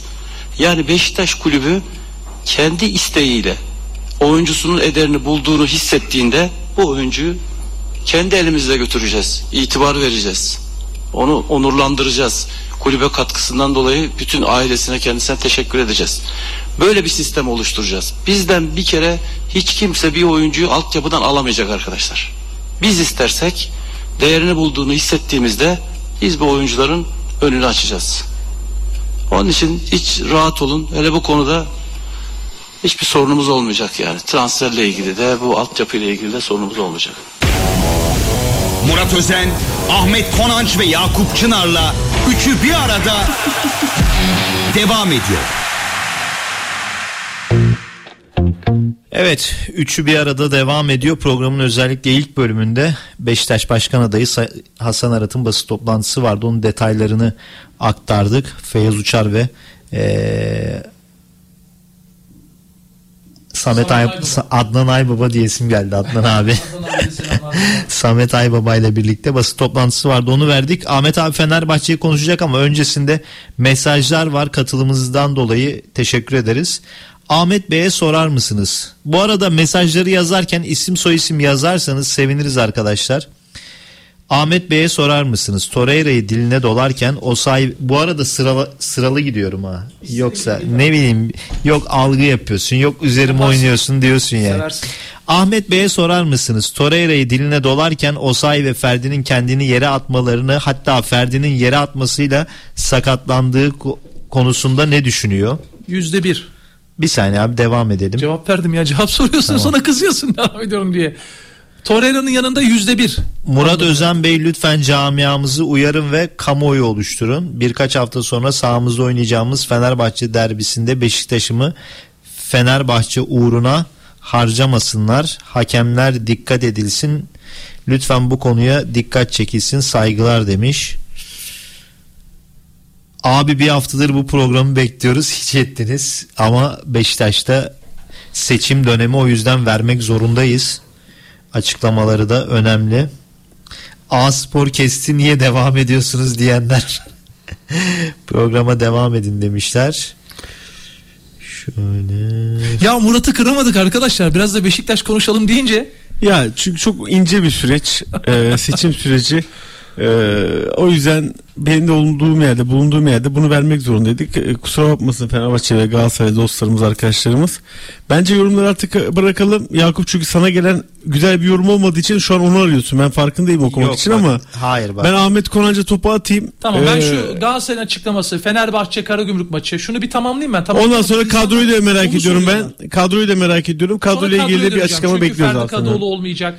Ee, Crespo stoper mi oynayacak onlara geleceğim. Evet Şimdi mikrofon sende abi. bir 30-35 saniye beni bölmeyin. Bir dakika oldu. Abi biz seni hiç bölmüyoruz zaten. Sen bizi hep bölüyorsun. Tabii tabii. Ama öyle bir algı yarattın. Galatasaray'ın açıklamasıyla ilgili Reklama benim- gideyim mi abi? Hay yavrum bismillah. La ilahe illallah. Tamam Şaka mı yapıyorsun? Bölüm, yok devam, devam edelim. Dur Bir bunu dakika, söyleyeyim tamam. öyle reklama git. Şimdi ben notlarımı aldım. Buradan notlarım üzerinden okuyacağım biraz akıcı olsun diye. Ee, şimdi Yakup diyecek şiir mi okuyorsun diye. Ben şiir okuyacağım. Yakup da kafiyelerimi toplayacak. Başlayabilir miyim Yakup'cum? Estağfurullah. Şimdi Galatasaray bunu geçen sene de yaptı. Çok net bir şekilde. Kendi lehine offside'ımsı olur, olayı olurken sustu. Haftalar sonra Fenerbahçe lehine ilk hata yapıldığında ayağa kalktı. Galatasaray tarafı istiyor ki Fenerbahçe hep doğransın. Bunu da normal kabul ediyorlar Fenerbahçe'nin hep doğranmasını. Mesela Antalya ve Rize'de yaşananlar ortadayken 13 hafta sonundaki bu maçta da Fenerbahçe'nin 0-0 iken verilmeyen penaltısı var. Frikiye çevrildi. İlk hatada Galatasaray yönetim kurulu toplandı ya Fenerbahçe'nin lehine ilk hatada. Fenerbahçe yani herkese soruyorum bizi dinleyenlere de. Ya Fenerbahçe nasıl bir kulüp ki 9 yıldır şampiyon olamamasına ve haftalardır doğranmasına rağmen Galatasaray bu kadar ilk hatada lehine ilk hatada panik yapıyor. Fenerbahçe'nin kulübün yeniden ayağa kalkacağı o ilk adımın endişesiyle ömür geçmez arkadaşlar. Burada başkaları da devreye giriyor yalnız dikkatinizi çekiyorum.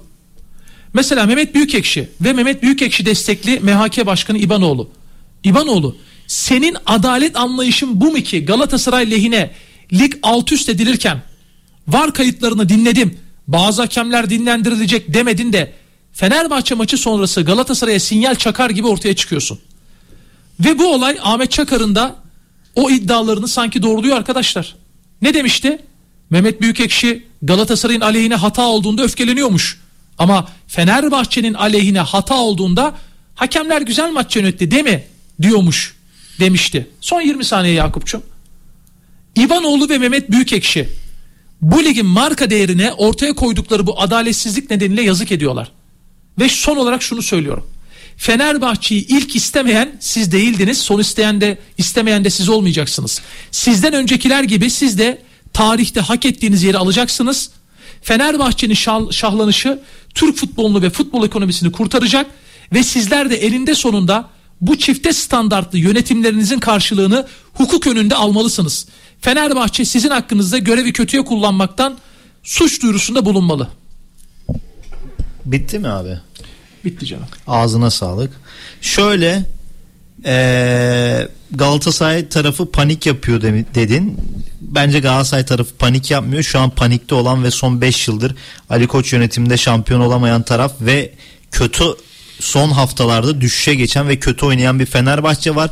Bu kötü oynayan Fenerbahçe'nin kötü futbolunu gizlemek için bu tarz algılar yapılıyor. İkincisi e, MHK'nin açıklaması, İBANO'nun açıklaması biliyorsun gündeme var kayıtları sızdığına dair haberler atıldı. Onu yalanladılar.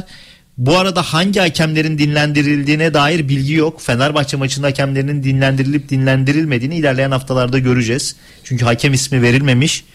İkincisi o.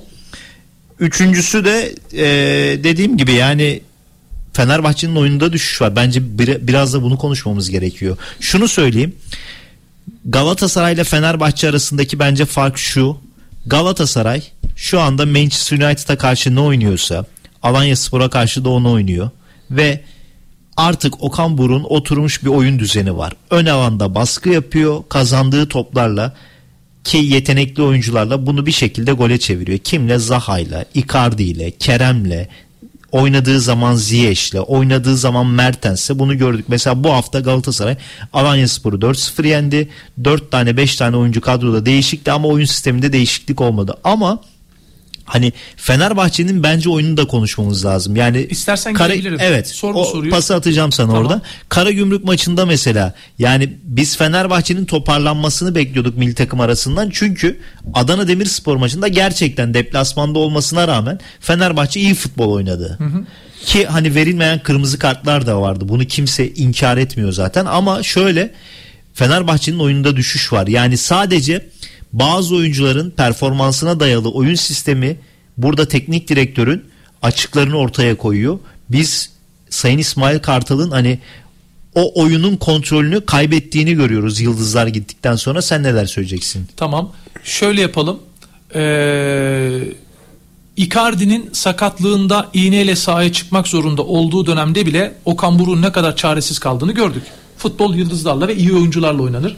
Dolayısıyla Bir virgül Fener- koyar mısın? Sadece bir maç kaybetti Galatasaray o dönemde. ama işte sorun orada zaten. Onu da cevaplayayım. Mesela Fenerbahçe'nin oyununda düşüş var diyorsun. Sebeplerini anlatacağım. Fenerbahçe'nin oyununda düşüş olmadığında zaten kimse bir şey yapamıyor. 5 golle Rize maçını kazanıp yine 3 penaltısını bir gollü vermiyorlar ama yine kazanıyor. Ama Fenerbahçe her maçı böyle kazanamaz. Fenerbahçe'nin de Galatasaray gibi kötü oynadığı maçları Antalya'daki Rize'deki gibi kazanmaya hakkı var. Bu hakkı Fenerbahçe'ye tanımıyorlar. Biraz eksik olduğunda oyun düştüğünde Fenerbahçe'ye farklı bir kıyma makinesi ortaya koyuyorlar. Çatır çatır kıyıyorlar Fenerbahçe'yi. Şimdi birinci sebep bu. İkinci sebep de yine mi ara? Bir dakika abi bir dakika konuşayım ya. Bir dakika sonra girersin. İkinci sebep de şu. Bahsettiğimiz 3 eksik Ciku, Bekao ve Fred Fenerbahçe'nin oyununun belki %50'si.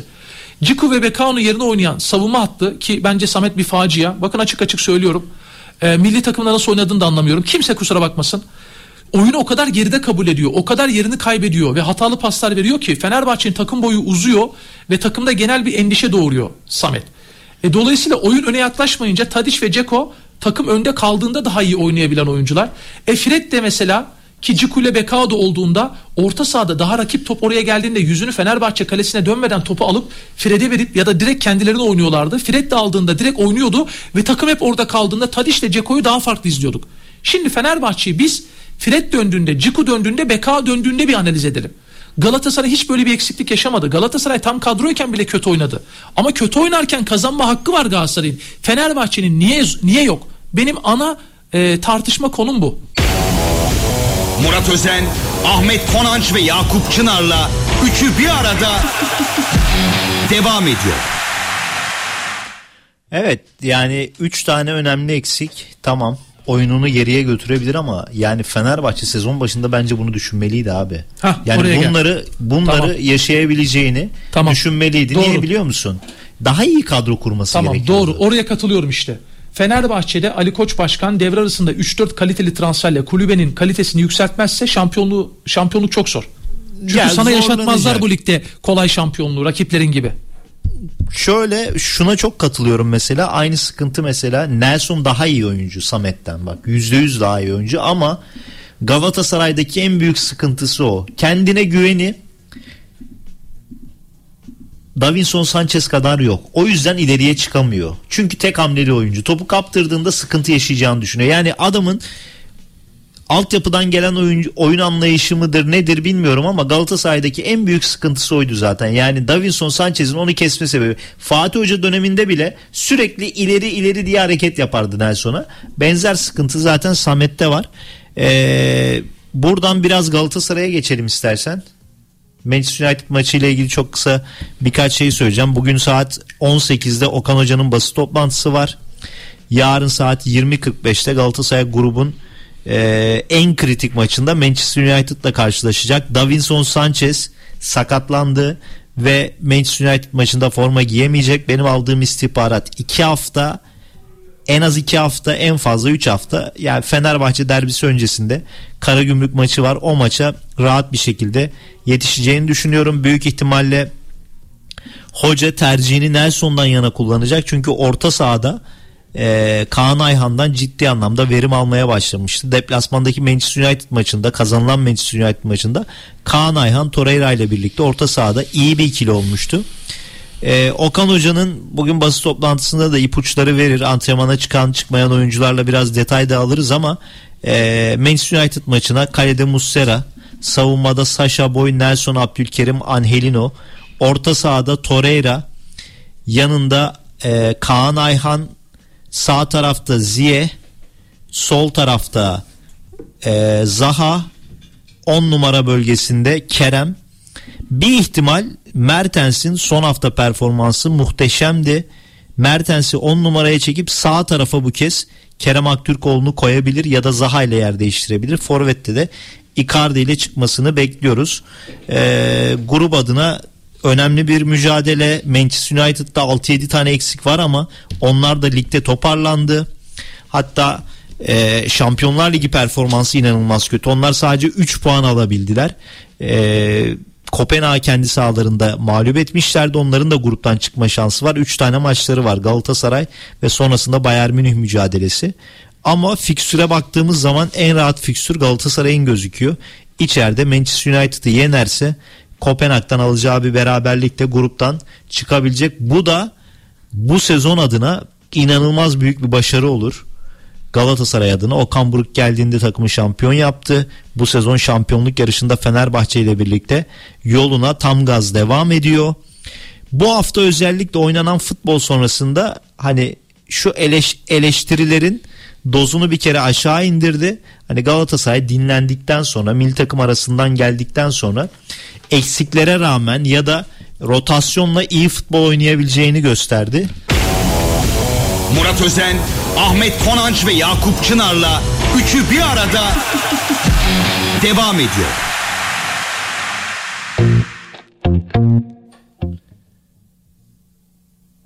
Fotoğraf çekimi.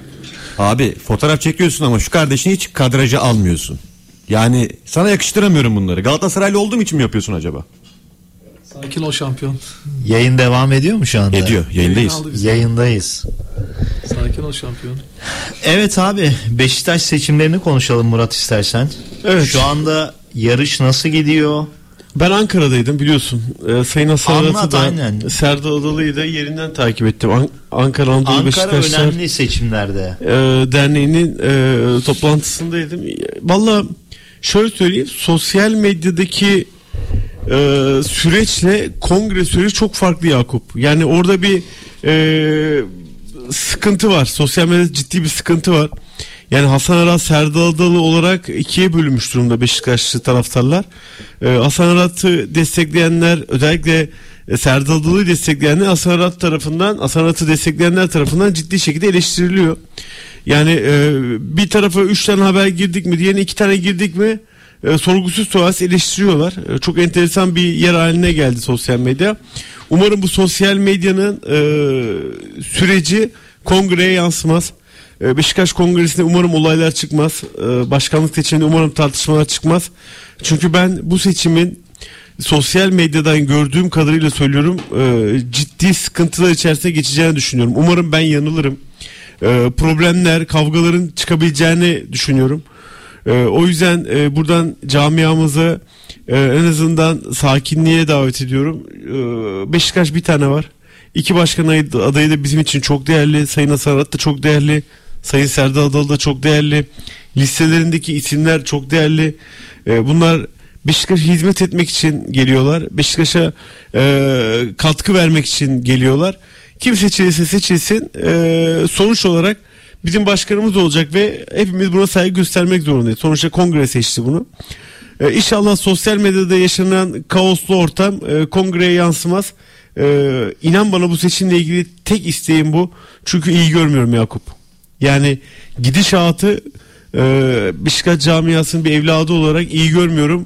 Cam kongrede inşallah ciddi olaylar e, çıkmaz. Maalesef e, görünen köyde kılavuz istemez. Şu anda e, sıkıntılı bir süreç bizleri bekliyor e, havasındayım ben. Kafa kafaya geçecek gibi gözüküyor mu? Valla öyle gözüküyor. Ee, yani ben 11 bin katılımın olacağını düşünüyorum. Ee, kafa kafaya da geçecek büyük bir ihtimal. Ee, çünkü iki başkan adayı da önemli hamleler yapıyor. Ee, Sayın Hasan Arat e, Feyyaz Uçar'ı dahil etti. Samet Aybaba'yı dahil, dahil etti. Bunun kongre üyeleri üzerinde karşılığı var mı? Ya neden olmasın ya? Ben mesela e, Serdar Adalı'nın e, lansmanına gittiğimde Ankara ikisine de gittim. Arat'a da gittim. E, Adalı'ya da gittim. Şifomet'i gördüm. Yani çok acayip etkilendim. Yani sarıldım hocaya, Mia'ya fotoğraf çektirdim hatıra kalsın diye. Feyyaz Hoca'yı da görsem aynı şekilde olacak. Samet Hoca'yı da görsem aynı şekilde olacak. Bunlar Beşiktaş'ın değerleri. Yani birçok Beşiktaşlı'nın o dönemlerdeki e, Beşiktaşlı olmasına sebep olan insanlar bunlar. O yüzden bence mutlaka olacak. Yarın da Sayın Serdar Adalı'nın e, lansmanı var biliyorsun. E, çok önemli bir lansman. E, çok önemli bir projesini açıklayacağını duyurdu. Nerede yapılacak? E, hemen onu söyleyeyim. Sivit Otel'deydi sanırım o da. Çok önemli bir lansman e, yapacak e, Serdar Adalı. E, merak ediyorum. Çünkü Beşiktaş'ın borcunun bitirmeye yönelik bir proje olduğu söylendi. Muhtemelen e, ben arazi olduğunu düşünüyorum. Bir arazi konusunda e, Serdar Adalı'nın bir hamlesi olacağını düşünüyorum. Oraya evler yapılacağı yönünde e, bir proje Neresi, olduğunu nerede? düşünüyorum. E, on, Adalı açıklasın. Lansmanı çok fazla Zaten bölmeyelim. Beşiktaş'ın mevcut yönetiminde e, böyle bir çalışma olduğu bir ekonomi gazetesinde çıkmıştı. E, Taya Kadın tarafında, Karadeniz tarafında İstanbul'un e, bir Galatasaray'ın Florya projesinden sonra herhalde Serdar Adalı da bunu takip ettirecek, isteyecek. Hakkıdır neden? Trabzonspor Başkanı da geçen gün açıklama yaptı. 4 artı bir gayrimenkul talebi, arazi talebimiz oldu Ankara'da dedi. Bir tanesi dedi gayrimenkul dedi. Birkaçı tesis İstanbul'da da tesis. Bir tanesi dedi gayrimenkul dedi. Fenerbahçe de istemeli Beşiktaş, Galatasaray, Trabzon bunu yaptıktan ve istedikten sonra. Fenerbahçe işte şunu söylüyorlar. İşte Can Bartu tesisin var, o var, bu var. En son işte e, askeri arazinin bir kısmını aldın. Tamam da bunların hepsi tesis yapılma amaçlı ve hepsi uzun süreli kiralık. Mesela Galatasaray Florya'nın tapusunu mu aldı? Evet. Ha, mesela burası tapulu gayrimenkul. E, gayrimenkul olduğunda kiralık yeri yapamazsın. Beşiktaş'ta Trabzon'da demek ki buraları tapulu istediler, isteyecekler. Fenerbahçe'nin de bir gayrimenkul e, talepli, amaçlı arazi talebi olmalı. Belki de olacaktır. Ben buna karşı değilim abi. Bu kulüplerin ayakta durabilmesi için, Avrupa'daki kulüplerle yarışabilmesi için zaten yayın gelirleri ortada. 10 milyon euro. Şu an Fenerbahçe ve Galatasaray'ın Beşiktaş'ın da muhtemelen ona yakın bir rakam. O yüzden bu kulüplerin bu paralarla ayakta durabilmesi imkansız ötesi. Ya hiç kimseye vermeyeceksin ya da bu toleransı gösteriyorsan diğer büyük kulüplere de diğer kulüplere de göstereceksin ki ayakta kalabilsinler. Bugün Şampiyonlar Ligi'nde yarıştığın takımlar 250-300 milyon euro hatta 500 milyon euro bütçesi olan maaş bütçesi olan takımlar var. Galatasaray'ın bu sezonki maaş bütçesi 40 milyon euro civarı. Şimdi 40 milyon euro gruptan çıktın. Karşılaşacağın takımın maaş bütçesi 300 milyon euro, 400 milyon euro. Şimdi ben de burada bir şey söyleyeyim. Ben de karşı değilim. Çünkü Galatasaray bir kere yaptı. Bu yolu Galatasaray açtı.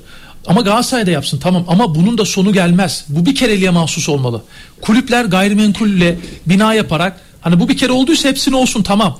Ama e, bu işte kulüpler dönmez. Yarın yine batacaksın bu transfer ücretlerini verip yarın yine yer isteyeceksin. ama abi şöyle artık biliyorsun başkanlar sorumlu olacak transferde. Tamam. Bence harcadıkları harcadıklarından o yasa, sorumlu o olacak. yakında yürürlüğe Evet Hayır, yani o yüzden gayrimenkul borçlar işinin sonu sonu olmalı. Bir bir, bir, ser- bir seferlik abi olmalı. Galatasaray yaptı işte gayrimenkulü yaptı tamam. bu transferleri yaptı. Tamam. İşte diyorum ki diğer takımlara da bu sağlanmalı. Gayrimenkul Yüzde yüz ama- aynı fikirdeyim. Ama bir daha olmamalı. Niye biliyor musun? Bu yine böyle olacak yani. Her seferinde ne sürekli Abi bir kulüplere daha arazi bir daha olması çok zor Ahmet abi çünkü yeni yasada kulüp başkanları sorumlu tutulacak. Hapis cezasına kadar gidecek bu iş. Bir daha olmasının ben çok zor olduğunu düşünüyorum. Orada yasada bir açık vardı bence. Kulüp başkanları ibra edilip edilmeme durumunda e, yansıyordu ama şimdi e, olay biraz farklı olabilir. Ben yarın Adalı'nın e, projesini çok merak ediyorum. Adalı çünkü... bunu dedim böyle bir projemiz var Evet diye. söyledi basın mensuplarına Gayrimenkul duyurdu. projemiz var Evet yarın e, bu projeyi duyuracak ve proje çok ses getirecek deniyor. Nerede söyledi bunu? Bizlere söyledi lansman. Bu seçim yarışını etkileyecek bir proje mi? Bence yüzde yüz etkileyecek evet. Ya burada hani benim de yakından konuştuğum Beşiktaşların söylediği, Beşiktaşlı arkadaşlarımızın söylediği gelecek başkan bunu zaten Murat da üstüne basa basa söylüyor. Bu seçim bir buçuk yıllığına yapılıyor. Evet. Bir buçuk yıl sonra bir daha seçim olacak. Gelen adayın kısa süre içerisinde futbol takımını toparlaması gerekiyor. Galatasaray'ın geldiği seviye ortada. Fenerbahçe'nin sezon başında yaptığı transferler ve şu anki durumu ortada. Beşiktaş'ın çok geride olmadığını görüyoruz. Rıza Hoca iki hafta iki galibiyet. Böyle bir durum söz konusu ki e, devre arasında önemli transferler yapılırsa ki Beşiktaş taraftarı gelen başkandan bunu bekliyor. İki başkan adayı da o beklentileri karşılayacak transferleri sence yapabilecek mi? Abi yapmak zorundalar şu anda. Yani ben iki başkan adayında para harcayıp e, futbol takımını ayağa kaldırılması gerektiğini düşünüyorum. Çünkü yapılan transferler maalesef e, Beşiktaş adına kötü transferler oldu. Yani hala işte e, transferlerden önce Beşiktaş taraftarı hep şunu söylüyordu. Sakat oyuncular alıyorsunuz, sakat oyunculara gidiyorsunuz. Afrika Kupası çok tartışılıyordu. E Şimdi taraftarın söylediği durum gerçekten ortaya çıkmaya başladı. Erik Beyli yine iki hafta yok. İşte e, oyuncular çok çabuk sakatlanabiliyor. Yani Galatasaray'da 5 maçta bir oyuncu sakatlanıyorsa maalesef Beşiktaş'ta 5 maçta 5 oyuncu sakatlanabilir duruma geldik. E çünkü oyuncuların geçmişinde bu sakatlık problemi hep yansıdı. Ve bile bile lades yapıldı. E şimdi Afrika Kupası da gelecek. E orada ne yapılacak bilmiyorum. O ciddi sıkıntı. Ya bence başkan adaylarının şöyle bir problemi olacak. Biz bu oyuncuları nasıl gönderebileceğiz? Yani şu an yabancı kontenjanımız dolu. Nasıl göndereceğiz ben çok merak ediyorum. Yani burada bence transferden daha çok bu oyuncuları elden çıkarabilmek önemli olacak. Evet isimleri getirebilirsin. Yani ne yapacağız? Yani bu oyuncuları nasıl göndereceğiz? Nasıl fes yapacağız?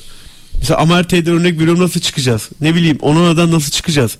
4,5 milyon euro gibi para verildi Onana'ya. Yani bu oyuncuyu şu an kim isteyecek? Hasan Arat'ın mali konulardaki vaatleri neler? Abi Çözüm e, önerileri. Şöyle Hasan Arat e, 4,5 yılda Beşiktaş'ın borcunu sıfırlayacağım dedi. Mümkün mü ya? Ya şimdi ben burada yorum yapmayayım. Ama bir şey sen yorum yapma ama Sayın Serdar Adalı da diyor ki Böyle bir şey olması imkansız Hayır. diyor. Eğer böyle bir şey yapacaksa diyor teminat versin diyor ben çekileyim ben diyor. çekileyim diyor. Abi bence de 4,5 yılda ga- ka- 1 milyarı buldu mu Galatasaray şey Beşiktaş'ın borcu? Çok fazla Çok borcu. daha Fazla Nasıl abi, sıfır 5-6 buçuk, dört milyar. buçuk? Hayır Galatasaray- 4,5 Evet. yılda senin bu kulübü de yaşatıp şampiyonluklara oynatman lazım bir de. Evet. Kimse seni Bugün şey Bursa Spor Başkanı kulüp kapanabilir anlamında laflar etmiş bir, yer, bir Abi yerde. bir buçuk milyar TL oraya gidiyor. borcu varmış. Yani Bir kolay mı abi? milyar 6 TL. milyar 696 milyon borç var. Ya Galatasaray Ünal Aysal geldi. Ben hep o açıklamasını doğru bulurum. Dedi ki Galatasaray'ın borcunu sıfırlamak diye bir şey yok dedi ya. Borçla dönmen lazım dedi. Ve dönüp şampiyon yaptı takımı. Sen Beşiktaş'ın borcunu sıfırlayacağım diyorsun 4,5 yılda. E şampiyonluklar ne olacak? Nasıl kadro kuracaksın? Ayrıca kulübün kadrosu değerli olmazsa satış da yapamazsın. Hani değersizleştirip hani adam almayıp falan hani Abi çok e, zor abi. API yapacağım dedi. Ne yapacakmış? API uygulama. API. Evet e, onunla ya? ya application yapacak. Ha application. Ha, evet. Aplikasyon. Evet aplikasyon yapacak. Onunla Ee? ilgili e, iyi bir gelir elde edecek. 25 Ne milyon dolar mı? aplikasyon içinde? Oğlum niye gülüyorsunuz yani? Abi Beşiktaş'ın aplikasyonu var da olmuyor tutmuyor bilmem ne. Fenerbahçe yaptı bunu. yani oradan çok ciddi para elde edeceğim dedi. E, nasıl elde edecek bilmiyoruz. Aplikasyondan. Evet evet. E, Maçları mı yayınlayacaklar acaba? Abi Yayıncı işte projeyi anlatıyor. Anlattıkça biz de göreceğiz. Bence o Sen projeden çok söyleyemiyorsun da ben söyleyeyim mi? Hasan Bey'in vaatleri biraz havada kalmış abi. Ben söyleyeyim abi. Hasan Bey'in vaatleri biraz havada kalmış. Ee, ben fikrimi de söyleyeyim. Bence bu seçimi Beşiktaş'ın geleceği açısından Serdar Adalı kazanmalı. Hadi Ya öyle- öyle- öyle ben fikrimi demeyelim. söylüyorum. Ben Evet. sen söyleme. Sen söyleyemeyebilirsin. Seni anlıyorum. eşit Bence mesafede yaklaşalım biz. Bütün ben yaklaşmak zorunda değilim ya. Tamam peki. Bence Beşiktaş'ın Ben de geleceği değilim. açısından Ben de Serdar Adalı'nın Serdar Adalı'nın kazanması kazanması aplikasyonla Beşiktaş mı yürür ya? Dört buçuk yılda nasıl Hayır abi? aday olmadan önce bile ben burada söylüyordum abi. Hani Sayın Aziz Yıldırım diyor ya ben Fenerbahçe için hapis yattım. Serdar Adalı Beşiktaş için hapis yattı abi böyle ya da böyle. Bir de dediğin gibi artık güçlü figürler gerekiyor abi camialara. Şimdi sabah yayında bir Beşiktaşlı yazar şimdi aklıma gelmiyor. Yani basketboldan gelen bir isim Sayın Hasan Arat. Bir de şunu söyleyeyim abi bu işte para harcaman gerekiyor. Şimdi Sayın Serdar Adalı diyor ki ben 30 milyon euro koyacağım diyor. Dedin bu rakamı. Ya o tarz O bir rak- rakam koyacağım o diyor. Yani rakamlar. ma- mali açıdan diyor bir problem yok benim açımdan diyor. Tamam Hasan Bey diyor mu? Hasan Bey aplikasyon diyor. Para koyacağım diyor mu? Ya onu demedi ama muhtemelen koyacaktır abi. Yani şimdi onu deyip dememesi önemli değil. Neyse abi. Ahmet abi. Yani şöyle söyleyeyim. E, Serdar Adalı'nın tek projesi şu anda futbol takımını ayağa kaldıracağım diyor Ocak'tan sonra diyor. Burayı ayağa kaldırmamız gerekiyor diyor. Sportif başarı Beşiktaş camiası çok önemli diyor. Ama ya- yarından itibaren yeni bir projesini daha açıklayacak. E, Sayın Hasan Arat da futbol takımının yanı sıra biliyorsun Paris Saint Germain başkanıyla fotoğraf koydu sosyal medyaya. Bayağı gündem oldu. Adam haftanın 3-4 günü zorlu center'da. Sen de fotoğraf koyarsın. İki oyuncuyla abi ne alakası var ya? Yakın arkadaşım diyor. İki oyuncuyla Ali anlaştım yakın diyor. arkadaş. Hiçbir faydasını göremedi Fenerbahçe. Ali Koç'tan daha yakın Erden olamaz herhalde. Timur'un kankası Icardi'yi Yani. aldı abi. İki Ya oyuncu bırak, nerede iki- kankası? iki oyuncu Bastırıyorsun, parayı alıyorsun. iki Kimse oyuncu almadı iki oyuncu siz sözü aldınız. var. E, Paris Saint Germain'den iki oyuncuyla anlaştığına İyi dair topçu yani. Bunu açıklama tweet yaptı. atarsanız onu şey yapmayın yani. E, açıklama yaptı. E, yarın Chelsea ile görüşeceğini dün duyurdu TGRT'de. E, bakalım bekleyip Ya Aziz göreceğiz. Yıldırım'ın bir lafı var ya. Hangi parayla alacaksın diyor. Chelsea ile görüştün. Hangi parayla alacaksın? Hangi parayla alacaksın? Aplikasyonla mı ya? Abi ona göre planı projesi göre Ben vardır. şunu merak ediyorum. Enteresan bu Galatasaray'da çok olmaz Fenerbahçe'de de olmaz. Abi adayların listeleri hala belli değil. Doğru mu? Evet. Ve şunu merak ediyorum. Bu listeler açı- açıklandıktan sonra seçimin seyrini değiştirebilecek isimler olacak mı adayların listesinde? Abi vallahi onu bilemem. Yani şimdi e, Samet Aybaba, Feyyaz Uçar isimleri önemli isimler. Camia için. Önemli figürler. Ama Sayın Serdar Adalı'nın e, en son Hazal Kalkavan'ı açıkladı. Sayın Serdar Adalı. E, bakalım isimlerini bizler de merak ediyoruz. Yani devamlı isimler yazılıyor. Ona göre bizler de hareket edeceğiz. E, işte sportif direktörüm Şifomet dedi. Ee, bugün yarın bir iki isim daha bana gelen iki isimler var aslında. Ben birçok listeyi duyuyorum ediyorum ama Doğan Küçük Emre var mı listede? yok. Doğan abi yok. Ee, yani şu anda yok. Ee, bir iki isim biliyorum ama onları da şimdi söylemek yakışmaz. Ee, çünkü bunları seçim şey olarak kullanıyorlar. Hasan Arat'tan da duyduğum bir iki isim var. Serdal Adalı'dan da var. Ee, onlar yansıttıkça bizler de buradan söyleyelim. Ee, çünkü diğer türlü yani birini verirsin gündem yaratılır diğerini verirsin gündem yaratılır hiç gerek yok o yüzden e, bekleyip görelim bakalım. Ya çok enteresan bir şey yaşanmıştı Galatasaray seçim döneminde dediğin gibi çok kritik. Mesela Eşref Hamamcıoğlu ve Dursun Özbek'in seçim yarışında artık son günlerine girilmişken ben Eşref Hamamcıoğlu'nun bir programına gittim. Programda salonun yarısını şeyle örtüyle kesmişler ve salonda gerçekten hani dolmamıştı bir fotoğraf paylaştım. O fotoğraf Dursun Özbek cephesindeki insanları ve yönetimdeki insanları mutlu etmiş fotoğrafı görünce bu sefer eş, şey Eşref Bey'in tarafında ve yönetiminde olan insanlar beni arayıp tepki gösterdi. Ya bu fotoğrafı niye paylaşıyorsun? Ben gazeteciyim. Ben paylaşırım. Sonra bir saat sonra Sayın Dursun Özbek'in büyük kulüpte yaptığı toplantıda cüzdanı salladığı bilgisini paylaştım. Bu sefer o taraftan aradılar. İşte hani e, böyle bir şey gerçekten var mı yok mu? Ben dedim haberini yapıyorsam arkasında da dururum dedi. E, o yüzden hani sanki bir tarafla ilgili algı yapıyormuş yapmıyormuş durumu seçimlerde oluyor tabii Evet ki. sen o zaman çok tepki almıştın. Abi olabilir. Ben doğru bildiğim haberi her zaman yaptım. İşte seçimde çok kritik süreç olduğu için ve kitlelere hakim olduğun için yani seni çok takip eden olduğu için e, diğer taraftan e, ciddi şekilde baskı yiyebiliyorsun. Abi iki ta ama iki tarafla ilgili de paylaşıyorsun. Taraf değilsin. O yüzden kendilerinin açıklamasını bekliyorum ben. E, tabii ki. Yani senin E, düşünüyor ben tarzı bilgime çok gelen fazla. bilgiyi paylaşırım. Hani ben de senin gibi davranmam. Seni anlıyorum ama ben Yakup gibi davranırım. Haberime inanıyorsan paylaşırım. Evet abi. Saygı Seni duyuyorum. anlıyorum. Senin farklı bir durumun var ama Sen, Yakup Murat Özen camia içinden bir tane Murat Özen listede olursa ben şaşırmam ben Fenerbahçe mesela. açısından da gazetecilik Herhangi bir adayın listesi. Abi şimdi ben adaylara bakıyorum. Yani yönetici adaylarına bakıyorum. Ben niye olayım abi? Değil mi? 2025'te hayalim var. Yöneticilik mi? Evet bir gün ben de olacağım. Bir gün olacağım ama ne zaman olur bilmiyorum. niye İletiş- olmasın abi? iletişimde mi olacaksın? İletişim olur. İletişim olur büyük ihtimal. Bizden çok çekersin ama. Hepsinden iyi yaparım. Sana çok fena sallarız. Sizi e, Şimdi ben Fenerbahçe- Nevzat Demir'e sokmam. Ahmet Konaç ve Yakup Çınar'ı Beşiktaş tesislerinden kapıdan içeri sokmam. Ya. Biliyorum çünkü nasıl bir holigan olduklarını. İkisini de sokmam. Ben gelebilir miyim abi? Sen de gelemez. Sen de Galatasaraylısın. Ya ben Beşiktaş'ı seviyorum ama. Nurşirat maçıyla alakalı ilk 11 kurmakta bazı sıkıntılar var. Eksikler. Nasıl bir ilk 11 Ve çıkacak abi? e, Mert, Samet, Bartu gibi isimler de listede olmadığı için Fenerbahçe'nin şöyle bir güçlü muhtemel 11'i var bende. Kalede ben yine Livakovic'in oynayacağını düşünüyorum. Çünkü Fenerbahçe bu maçı kazanırsa liderliği garantileyecek ve Mart ayına kadar Avrupa işini boş geçirecek. Böylece o playoff'ları geçen sene olduğu gibi Ren oynarken Ren oyna Fenerbahçe oynamadı. Oynamayacak. Abi 11'i verme bir araya gidelim. Tamam. Aradan sonra Fenerbahçe'nin Nörşelen muhtemel 11'ini Ahmet Konanç verecek. Aradan sonra devam edeceğiz. Murat Özen, Ahmet Konanç ve Yakup Çınar'la üçü bir arada devam ediyor.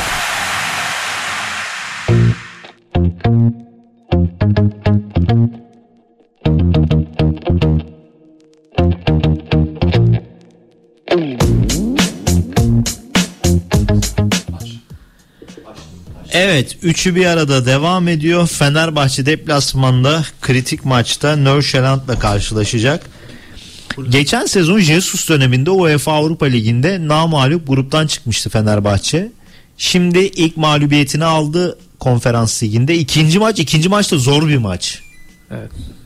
Şimdi Fenerbahçe'nin 11'ini biraz zor kuracak hoca. Neden kuracak? Şimdi Samet eksiklerin üstüne Samet, Mert, Bartu Elmaz gibi isimler e, listede yoklar değil mi? Yanılmıyorsam bakayım hemen bir daha.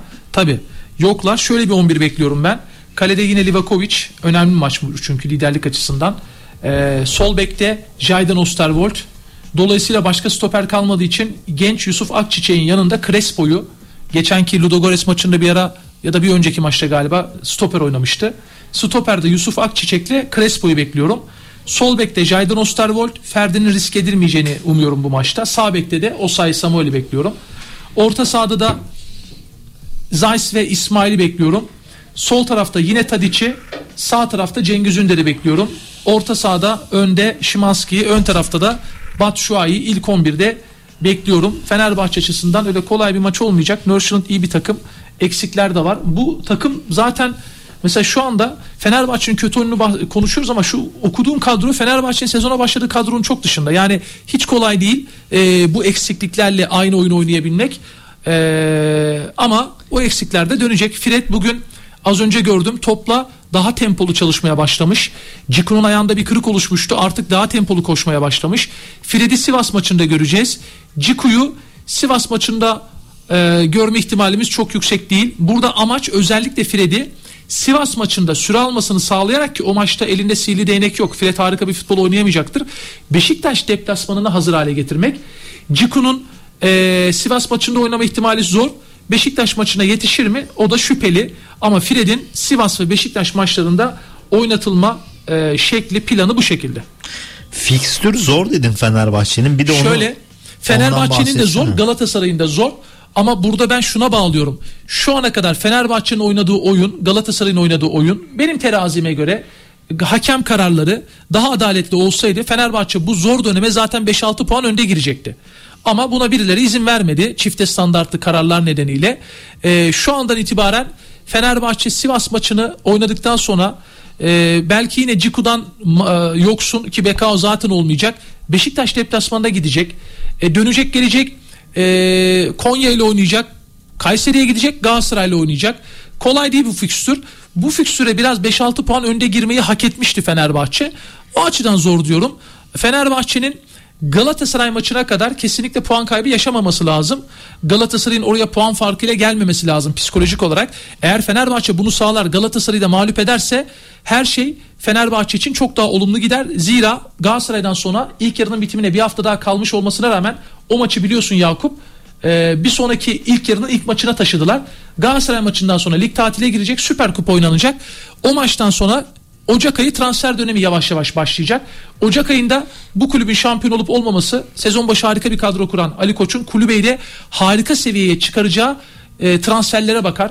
3-4 tane çok net bir tane harika bir stoper hatta iyi bir yabancı stoperin yanında iyi de bir yerli stoper alması lazım. Bir tane 6 numara tartışmasız e, alması lazım. E, mesela burada bu isim İsmail'in yerine mi Fred'in yerine mi daha çok? Valla İsmail'in yerine de Fred'in yerine de e, ikisini de oynayabilecek kaliteli bir oyuncu lazım. Bir tane de golcü lazım. Batshuayi ilaç olamıyor. Fenerbahçe olursa ciddi eksiklik oluyor. Eksik, eksiklik oluyor. Müthiş düşüyor. Evet. Mesela oraya Zayt'sı koydun olmadı. Olmadı. Bir ara hoca Zayt'sı 6 numara oynattı bir Avrupa maçında. Facia olmadı. Ee, e, İsmail de Adana'da cezalıydı. Ya bak 6 numara alınması şart değilmiş diyenler bak şartmış demek ki. Abi bu ligde özellikle Fenerbahçe için kulübe diye bir gerçek var. Galatasaray'a tanınan kötü oynarken kazanma hakkı Fenerbahçe'ye verilmiyor. Fenerbahçe hep 4-5 golle kazanmak zorunda. Başkan Ali Koç'un bunun farkında olduğunu duydum. Transferde tabiri caizse gözünü kararttığını duydum. Umarım bunu gerçekleştirir. Harika bir ilk 11 kurdu ama harika bir kulübe kuramadı. Ocak'ta da bunu yapmalı. Galatasaray'ın şu anki mevcut kadrosunun Fenerbahçe'den daha iyi olduğunu söyleyelim. Çünkü Galatasaray geçen sezon şampiyon olan kadronun neredeyse tamamını tuttu. Ee, onun üstüne transfer yaptı ki o transferlerin neredeyse hani ikisi üçü dışında Davinson Sanchez ve Zaha dışında katkı sağlayan olmadı. Kronik denilen Zaha şu anda ligin son 3 haftasında 4 gol bir asist toplamda 6 gol 2 asistlik performans sergiliyor. Hayırdır abi? Ahmet Konaş Ahmet Konaş bilgisayarın içine girdin. Bu arada şöyle söyleyeyim. Türkiye Futbol Federasyonu Ekim ayı Fair Play ödüllerini açıklamış. Bakalım katılacak mısınız, katılmayacak mısınız? Evet. En centilmen teknik direktör Nuri Şahin. Olabilir. Neden dolayı Hayır demişler? Tatil aylarında bile sosyal sorumluluk projelerine ayırıyormuş. Ha. Nuri Şahin'e hayır demem. Sen Ahmet abi en cen- centilmen teknik direktör Nuri Şahin'miş şu Evet, anda. doğru, olabilir. Bence de evet olabilir. Diğer ödülleri kimlere vermişler? En centilmen taraftar Galatasaray taraftarı. Nedenini okuyorum. Beşiktaş maçında o 7 dakika süren Cumhuriyet'in 100. yılı koreografisi nedeniyle. Bunun centilmenlikle ne alakası var abi? Ya oy birliğiyle öyle Ya. Galatasaray'a yine bir yerde ödül vermişler. En centilmen yönetici Fenerbahçe Spor Kulübü Yönetim Kurulu demişler. Bu ayın değil de geçen ayın herhalde. En Bunun centilmen sebebi yönetici Ahmet Nur Çebi ya. TFF'yi bir kere eleştirdi. Evet evet Eki? Ekim Ekim pardon. Yok, Fener'in Sosyal sebebi ne? sorumluluk projeleri Tamam, Hatay'da başka? yapılan. Ekimmiş bu ya geçen ayıymış. Tabii de bu ayı yapmıyorlar. Tamam. En centilmen futbolcu da Muslera Rozier direğe çarpmasın diye Evet korumuştu. mükemmel hamleydi. Yani orada. Rozier'i bile kurtarmıştı. Evet evet doğru. Enteresan. Ya şöyle eee Manchester United maçıyla ilgili Murat ne düşünüyor ben merak ediyorum. Geçen sefer Manchester rahat kazanır demişti. Kazanamadı. Manyel olmuştu. Galatasaray kendi sahasında 4 tane atar Manchester'a. Tabii Galatasaray'ın Şampiyonlar Ligi'nde iyi oynadığını ifade edelim ama şansı da çok yaver gitti. Yo, İki ben maçta son- rakibi 10 kişi kaldı ve e, Manchester'da hakikaten çok ciddi kötü dönemlerinden birini yaşıyor. Bunlar asla küçültmez Galatasaray'ın başarısını ama bunlar da tabii futbolda bir gerçek. Ben samimiyetini söyleyeyim abi. Galatasaray iki maçı da kaybeder. Kopenhag'da yenilir, Manchester'da yenilir. Ben de iki maçı kazanacağını düşünüyorum. Ben burada Ya Galatasaray Galatasaray bak, bu gruptan çıkabileceğini düşünmüyordum ben Galatasaray. Ben- Burada da söylemiştim zaten. Bu gruptan çıkamaz. Bence üçüncü çıkması daha önemli. Avrupa Ligi'ne gider. Bu kadroda Avrupa Ligi'nde rahat ne kadar gelir gelecek oynar. gruptan çıkarsanız? Abi çok önemli değil mi ya? Ya bu şöyle gelirler? söyleyeyim sana. Abi sen Sanchez yok dedin 2-3 maç. İğneyle oynayacağı söyleniyor. Bu iğne nasıl bir sihirli Yok iğne var abi Galatasaray'da? Bilmiyorum. Eğer o da oynayacakmış. iğneyle oynarsa zaten artık yani enteresan bir durum olacak. Tabii yine bir Beşiktaş futbolcular sakatlandı mı 3-4 hafta sahalarda uzak kalıyor. Sakatlanmadan oynayanlar var. Abi sizi iğneyle iğneyle adamlar kaç maç çıkartıyor olsun vallahi ya. Çok güzel bir laftı ama. Bizimkiler İlk- boynu, boynu ağrıyor diye maça çıkmıyor ya. Evet abi. Yo futbolda bu var. Diğer takımlarda da var ama e, bu aidiyetlerini Ne gösteriyor. kadar gelir elde ediliyor gruptan çıktığında? Şöyle söyleyeyim sana. Benim bildiğim kadar şu iki maçı kazanırsan bir kere 6 milyon euro ekstradan alıyorsun. Abi inanılmaz paralar Abi değil mi ya? 2.8 milyon. Bu Şampiyonlar Ligi gerçekten futbol takımları için çok önemli ya. Direkt düşünsene her kazandığın maçta bir bir futbolcunun bir yıllık giderini karşılıyorsun. Bir de şunu söyleyeyim. Galatasaray'ın o sattığı biletlerle birlikte maç günü gelirleriyle birlikte sadece statta 100 milyon TL yakın para kazanıyor. 3 milyon dolar da statta kazanıyor. İnanılmaz paralar. Maç günü gelirleriyle birlikte. Ya düşünsene bu sezon Galatasaray'ın tribün geliri 50 milyon euro oldu. 50 milyon euro ne demek abi? İnanılmaz bir rakam değil mi? müthiş. Gruptan çıktığı takdirde abi lafını bölüyorum da 9.6 milyon avroymuş. Ekstradan, Ekstradan. gelir. Evet. Nereden baksan bir 15 milyon avroya Ya ben şunu söyleyeyim futbolculara derim ki gruplardan çıkalım. Bu 9.6'nın 2.6'sını size prim olarak dağıtacağım derim. Prim çok önemli futbolcu için. Abi kesinlikle çok Bizim basketbol şubesinde öyle mesela. Umut Tahir Güneş her maça 600-700 bin TL prim ödüyor. Her maça veriyor ya oyuncularına. Bak sana şöyle katılıyorum. Geçen sezon Galatasaray'ın tabii ki yani bu kadronun şampiyon olması gerekiyor, başarılı olması gerekiyor ama emin ol o primlerin çok büyük etkisi oldu. Geçen sezon o Başakşehir maçı 6-0'lık Fenerbahçe maçlarında. Fenerbahçe'de yoktu. Bu sezon Fenerbahçe'de de yapılıyor bildiğim kadarıyla. Prim olayı. Doğru mu abi? Ee, daha e, e, maç maç veriyorlar, maç maç açıklıyorlar. Ee, olması gereken bu bence. Türkiye'de iş Tabii. yapıyor abi bu. Avrupa'da da birçok takımda böyleymiş ya. Yani maç maç e, hepsinde böyle çok kurumsal değil yani. Ama Türkiye'de daha çok iş yapıyor. Bu Galatasaray'ın geçen seneki başarısında çok önemli bir faktördü. Kesinlikle. Fenerbahçe biraz işte 3 maç şöyle olursa 5 maç böyle olursa'ya bağladı. E, oyuncular orada biraz olumsuz etkilenebiliyorlar. Bu Ente- sene öyle değil. Çok enteresan abi. 4-5 milyon euro kazanıyorlar. 10 bin euro fazla vereceğim deyince adam ekstra motive oluyor. Abi bu işi para için yapıyorlar yani. Tabii, olabilir meslekleri insan. o. Hani şöyle Galatasaray'a bakıyor mesela. Abi adam da bu kadar kazanıyor. Maç maç prim alıyor. Ve bunlar mesela. bunlar biliyor abi. Bak biz şimdi konuşuyoruz ya bunlar dışarıda görüşen eden insanlar. Biliyorlar. Aa bizde primler şöyle böyle deyince etkileniyorlar. Gerçekten etkileniyorlar. Biliyorlar çünkü Galatasaray bu kadar prim alıyor. Biz alamıyoruz. E bunu başkana iletelim. Şunu yapalım, bunu yapalım diye. Hayırlısı Konuşuluyor tabii ki. Hayırlısı olsun. Evet. Şimdi Ekleyeceğim bir şey var mı? ekleyeceğim bir şeyler eee, var. Gayrimenkul konusunu konuştuk. Fair play ödülleri dağıtıldı. Onları Şöyle konuştuk. söyleyeyim. Mesela hani işin marketing tarafından gittik ya. Muhtemelen planlıydı bu. Biliyorsun Icardi'nin bir tane bilekliği bir fotoğrafta poz verdi. Bileklik vardı. Ve taraftar dedi ki ya bu Galatasaray Store niye bu bilekliği yapmıyor dedi. İki gün sonra çat Galatasaray Store. Hazır yani. Evet hazır ama en azından hani taraftarın isteğine karşılık verdi. Abi o bileklik zaten hazır olduğu için Icardi'ye taktılar. Ya çok tamam. iyi çok iyi e, şey yaptılar ya. Çok Marketing akıllıca. çok iyi oldu. Çok Ya akıllıca. bir kere abi. ay yıldızlı olması, Icardi'nin onu takıyor olması. çok akıllıca hamle yaptılar. Abi işte yıldız futbol Marketing bu abi. Heh. Bravo. Kadronda olunca bunu çok rahat yapabiliyorsun abi işte. Yani Bizimkiler 100. yıl forması e, kırmızı formayı armayı değiştirdiler.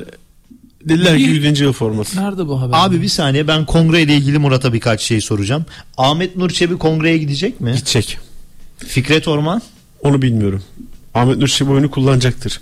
Zaten e, ikisinde mali kongre var. E, ibra edilip edilmemesi durumu var. E, Oraya zaten sonra- katılacak. Oraya zaten yönetim kurulu katılacak.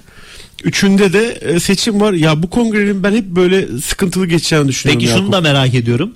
Mevcut Sayın Ahmet Nur Çebi'nin yönetiminden bir isim Adalı ya da Hasan Arat'ın yönetiminde olacak mı? Yani şu an eskilerden bir tek Hakan Daltaban var. O da e, bir önceki dönemde vardı. E, onun dışında mevcut yönetimde olmayacak kimse. Yani bu Matruşka'ya çok takıldı Serdal Adalı. Matruşka e, Hasan Arat biliyorsun Matruşka dedi. Matruşka Gönderme. sistemi dedi. De- devamı dedi. Ama yani. şimdi mesela Mete Vardar'ın da Arat'ta olduğu konuşuluyor. Şimdi Mete Vardar Matruşka'ya girmeyecek mi? Fikret Orman döneminde vardı. Sinan Vardar'ın oğlu Mete abi. Çok da severim. iyi Beşiktaşlıdır. Mesela ya bunlar yanlış söylenenler. Bence de yanlış abi. Bir de bir şey diyeceğim. Yani bir yönetimde başarılı bir isim varsa bir sonraki Mesela yönetimde... basketbol şubesi Umut Tahir Güneş şu anda Beşiktaş taraftarlar tarafından en çok sevilen yöneticilerden biri. Takım başarılı gidiyor. Şimdi herhangi bir yönetici Sayın Ad- Adalı da Arat da başkan adayı alsa tepki gelir mi taraftardan? Bence gelmez. Neden gelsin? Başarılı gidiyor. Bütün her şeyi karşılıyor. Yani neden tepki gelsin? Ya bu matuşka söylemleri kötü söylemler. Ee, e şimdi Mete Vardar da açıklandığında muhtemelen Hasan Arat'a da oradan yüklenecekler. Diyecekler ki sen matuşka matuşka edin. Mete Vardar da o zaman matuşka diyecekler. Muhtemelen. Bunu Hasan Serdal Adalı e, seçim kozu olarak kullanabilir. Ee, yani e, yakışmıyor ya. Bu söylemler kimseye yakışmıyor. Camia evet camia da yeni yüzler de görmek istiyor. Buna da en fikrim. Yani artık yeni insanlar gelsin. Çünkü başarı istiyor abi Beşiktaş camiası. Ama e, tabii süreç nasıl ilerleyecek merakla bekliyorum ben de. Serhan Çetinsay'a herhangi bir adayın- Yönetime girmeyecek. Şu anda öyle gözüküyor. E, büyük ihtimal Serhan Çetinsay 2025'te ya başkan olur ya ikinci başkan olur. Girer bir yönetime ya da başkan olur. Başkan adaylığının için başvuruyor. Başkan olur demek yanlış bir kelime oldu. E, başkan adaylığını açıklar. Abi Serhan da bizim değerimiz. Beşiktaş camiası için çok önemli bir isim Serhan Çetinsay'a. Çok iyi Beşiktaş'tı. Bunlar hep bizim değerlerimiz. Bu değerleri kaybetmememiz lazım. Masarat da bizim değerimiz. Serdal Adalı da bizim değerimiz. Hakan Daltaban da Beşiktaş'ın değeri. Mete Vardar da Beşiktaş'ın değeri. Bu değerleri kaybetmeden, kırmadan umarım güzel bir kongre olur. Daha ne diyeyim yani inşallah kavgasız gürültüsüz olur ama hiç öyle bir şey olacağını düşünmüyorum. İnşallah ben yanılırım. Buraya geldiğimizde bunları konuşmayız Yakup. Evet. Şimdi bir haber var. Son 2-3 dakika bunu bir konuşalım. 5 milyon yıl sonra erkeklerin de hamile kalabileceği bilimsel olarak ortaya konmuş. Bilim insanları E erkeklerdeki Ahmet abi ya, Bir dakika, Allah aşkına magazin ya. yapıyoruz son 2-3 dakika ya. Bir dakika. Erkeklerin hamile kalmasını mı magazin yapıyorsun abi ya? Abiciğim biz gazeteciyiz ya. Bunlar günün konusu. Bir dakika konuşuyoruz ya. Bağırmadan konuşamıyor musun sen? Tamam sen hamile kalmayacaksın. Ya Allah'ım yarabbim ya. Oğlum beni gaza getiriyorsun ya. Programın sonunda patlattın. Bir dakika bilimsel bir haber okuyorum ya. Abi. Tartış, tartışman için önce dinleyip Abi anlaman lazım. tar- abi bunu neyin tartışacaksın? Allah ya? Allah ya. Ya bilimsel abi. bir konu. Ya boş ver abi okuma bile Ya bir dakika dur be ya. kardeşim ya. Şimdi bilim insanları şuna dayandırmışlar. Yakup tamam senle konuşuyorum ben. Erkeklerdeki Y kromozomu var ya. Bunun dejenere olma süresi 5 milyon yılmış. Bu çok hızlı devam ediyormuş. Allah Ömürler versin de. Bir yaşa. Buna 4 milyon 6 milyon yıl kalmış. Erkeklerde bu kromozom yok olunca hamile kalabilecekmiş. Çok şükür en azından kendi adıma söyleyeyim. Tercih edenler olabilir. 5 milyon yıl yaşamayacağız ama şu soruyu soracağım Yakup. Gazeteci sorusu ya.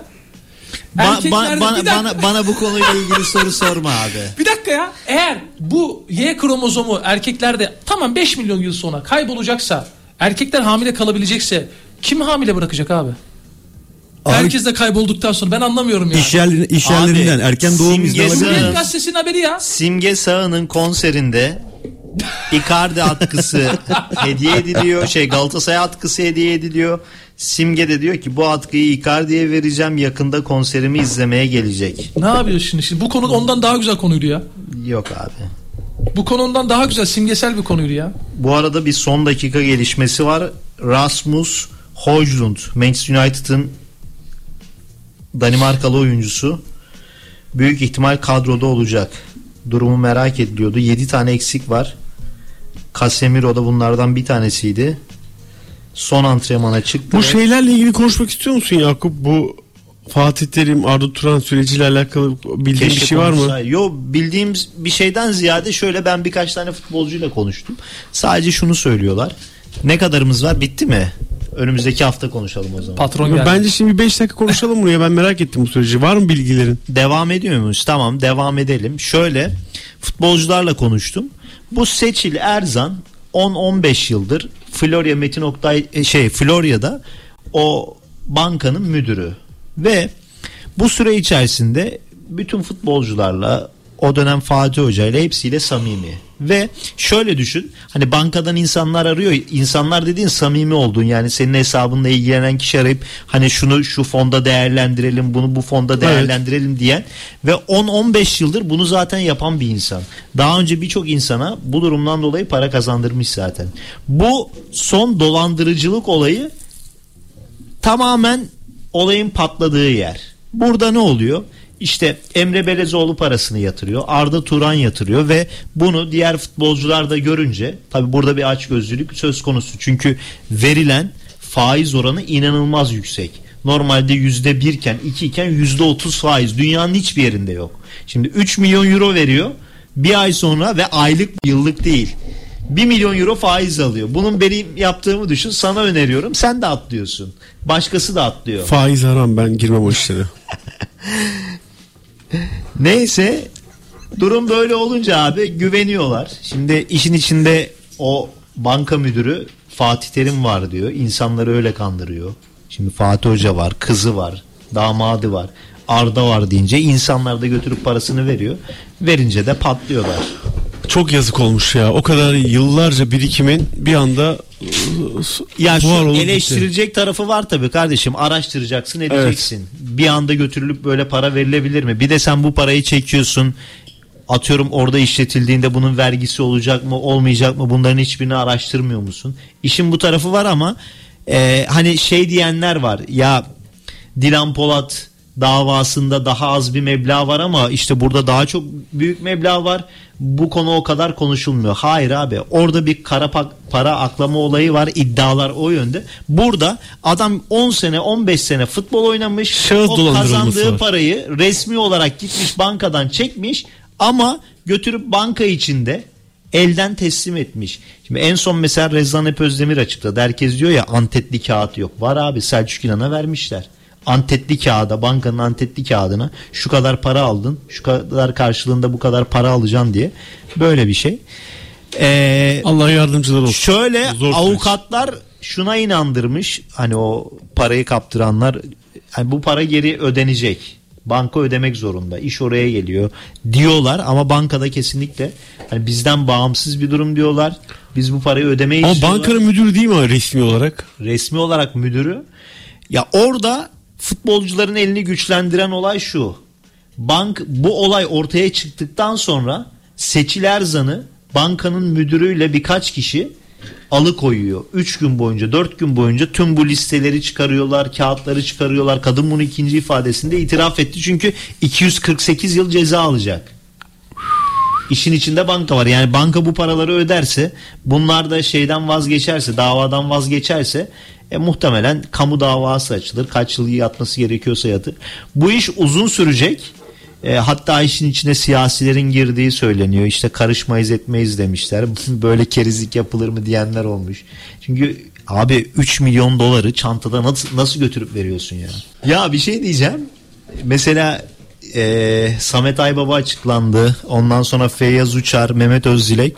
Sinan abiye gitmediler mi acaba? Yok ona söylendi. Daha doğrusu gelirse ne olur diye kabul etmedi o. İstemiyor. O, kapatmış O da bize söyledi zaten yayında. Hani artık burada benim öyle bir enerjim tabii. yok. Bir de hani o insanlar benim arkadaşım başkanlık dönemi. Bu dolandırılma mevzusundan devam ediyorduk. Mela birazdan mikrofonun başına geçecek ama sizin yorumlarınızı da merak Ben bir ediyorum. yorum yapayım. Tabii. Şimdi burada bankanın işin içinde olduğu açık olsa bu kadar net çok net bunu her şey he- bu çok, çok çoktan şu ana kadar ortaya çıkardı. Banka bu işin içinde varsa bile bence bu kadar net yok. Burası bir muamma. Var diyemezsin burada kolay kolay çünkü. İkincisi bu paralar bankacılık sistemine sokulmuş mu sokulmamış mı muamma kimine göre sokulmamış. Ben asıl soruyu sormak istiyorum. Bu paraların çıktığı yerde tartışılıyor. Mesela bu kadar yoğun parayı sen bankadan çekmeyip yastık altından nasıl getirebilirsin? Hayır, yastık Hani alt- hangi bankadan çekilmiş? O da yok diyorlar. Ben o soruya cevap arıyorum. Yok yok. Nereden bu, geldi bu para? paralar bankadan çekiliyor. Benim direkt parayı çekip götüren biriyle konuştum. Ha. Bu parayı bankadan çekiyor. 3 milyon 3.2 milyon euro e, 2 milyon dolar düşün söyleyemiyoruz o kadar büyük ki para. 3 milyon doları bankadan çekiyor kendi hesabından götürüyor bankada çantanın içinde veriyor ve antetli kağıda Antetli kağıdı sen de yaparsın ya. ya yaparsın ama şöyle şunu söyleyeyim Yapamazsın sadece. abi, dola- büyük Bak burada Abicim bir el yazısıyla. Burada- bu burada- burada biz- Bilgisayardan dekont Abi, çıkması başka bir şey. Şöyle söyleyeyim. Burada bir süreç devam ediyor. İşin adli boyutu var. Devam ediyor. Biz burada taraf değiliz zaten. Hani konuyu sadece konuşmaya çalışıyoruz. Ben sadece şunu söylüyorum.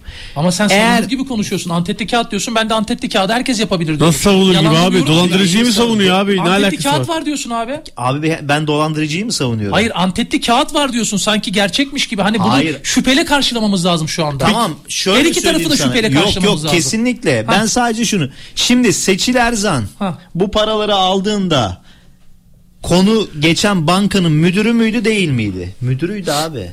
Tamam. Şimdi sen müdür olduğu için güvenip o parayı yatırıyorsun ve daha önce Bankaya yattığını gösteren bilgisayar çıkışı dekontlar nerede? ha ya işte dolandırıcı Antetli kağıt diyorsun ya. Şu yüzde yüz doğru. Peki- Kaşeyi bile. Bak, peki şu Leyla anda- abinin Za- kaşesini burada kim uyanıyor biliyor musun? Burada Emre Belezoğlu uyanıyor. Yani biz de davayı televizyondan takip ediyoruz bilmem ne yapıyoruz.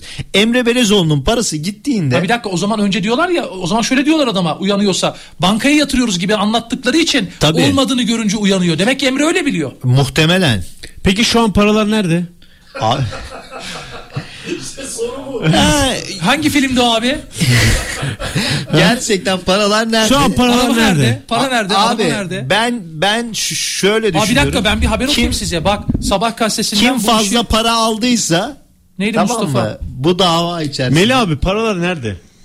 Kim fazla para Yani aldıysa bir abi, çıktı, Daha nerede? Bir bavul ödesin. oldu. Okuyayım mı? Haber okuyayım Abi mı? bir çanta para var.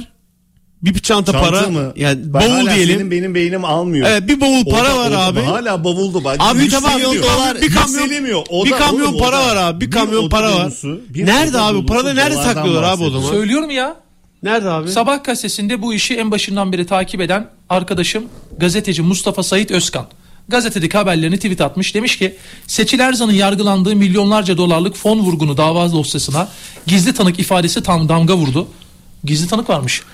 Dava dosyasına giren gizli tanığın ifadesine göre kayıplara karışan paranın bak Muratçım cevabı. Evet. Üst düzey bir bankacı ile birlikte İsviçre'ye taşındığı iddia edildi. Oo. Gazete haberi ya sabah gazetesinin e, iddialı. haberi. Mustafa Sait Özkan. O zaman paralar hayatta. Ya abi gitsinler çektirsinler abi o zaman paraları geri. Tamam kaybolmaz da şöyle düşün. İade Abi bir saniye. Yakup sen geri. dedin ya bir bankadan çekip götürmüşler diye. Hangi bankadan çekildiğinin kanıtı var mı bu paranın? Abi yüzde yüz vardır. Vardır Olmaz olur mu vardır abi? diyorsun. Yani şöyle düşünüyorum ben Arda Turan, Emre Belezoğlu, ondan sonra Selçuk İnan, Semih Kaya ismi geçenler. Şimdi bu paraları götürürken 3 milyon doları nerede saklıyor abi? Abicim bak burada başka sıkıntılar da var. Bir kere orası meçhul. Sen vardır diyorsun. Nerede bu paranın Ben vardır çıkışı? demiyorum abi. Ben dava Var devam diyorsun? ettiği için isim vermiyorum. Evet bunlardan bir tanesi. Ha, bir bu tanesi, isimlerden tamam, bir bir, kişi. vardır, tamam. Bir kişi Ama parayı bankadan çekiyor. Pa- bankayı paradan şey e, parayı bankadan çekiyor. Tamam. Götürüp elden veriyor. Tamam, o kişi kendini kurtarır ama o da şuraya kadar kurtarır. Sonrasında şu da sorulur davada. Siz bu parayı hangi kazanca göre yatırdınız? Hangi fona yatırdınız? Yani bir kişiye elden para vermek al bunu işlettir demek biliyorsun vergi usul kanununa göre 7 bin liranın üstündeki her parayı bankadan vermen lazım. Yüzde yüz 7 canım. bin lira 7 bin lira üstüne üstlük abi affedersin e, affedersin YouTube'da yayıncılık yapıyorum. Amerikan devletine YouTube şirketi vergi verip onu benden kesiyor veriyorum. Türkiye Cumhuriyeti devletime şanla şerefle aldığım 3 kuruşun her ay vergisini veriyorum.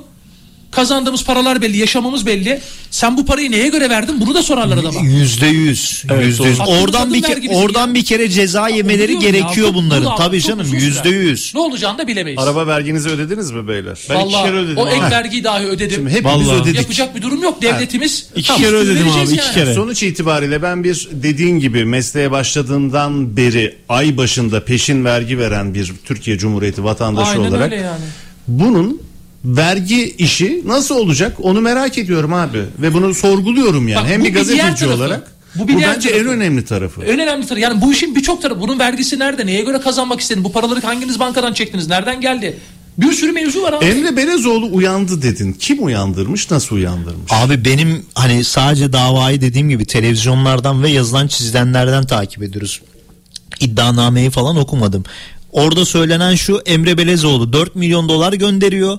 Gönderdikten sonra o götüren kişi muhtemelen Fatih Hoca'nın damadı. Aynı zamanda Emre Belezoğlu'nun kuzeni.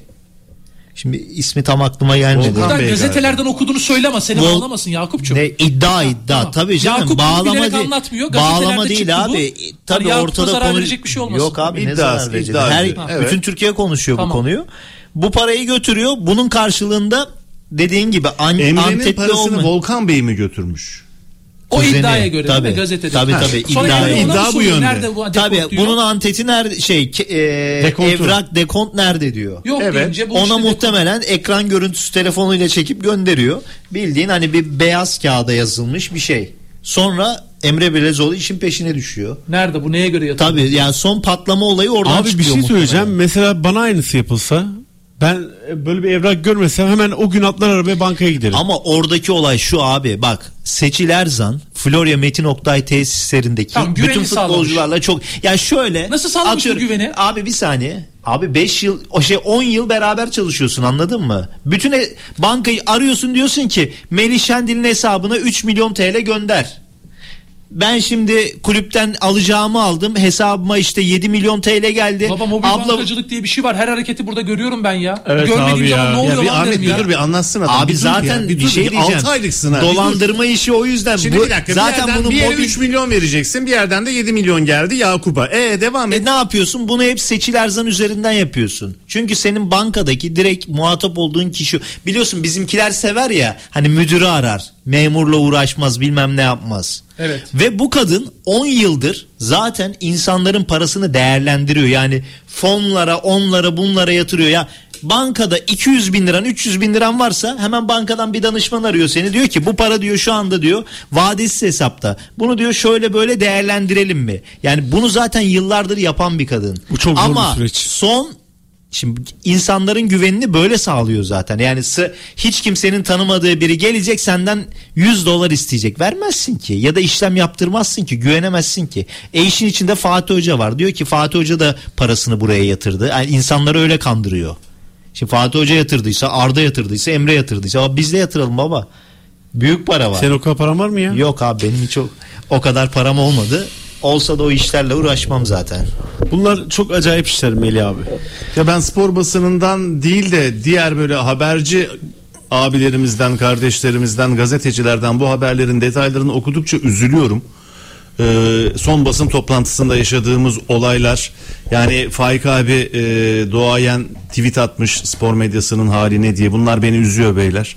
İşte e, kim cezalı kim değil bilmeden basın toplantısına girenler mi dersin? Ya o anki Hashtag hatasına Twitter'da- denk gelmiş olabilir ya. Twitter'daki işin hashtag'e göre soru sorana mı e, ne diyeyim yani? Ya orada A- A- Ahmet sorduğu ta- soruyor olabilir. Biz de yanılıyoruz. Bir şey diyeceğim. abi. Mesela ben tahtama yayında yapıyorum. Kaç defa Osayi'yi yazdım.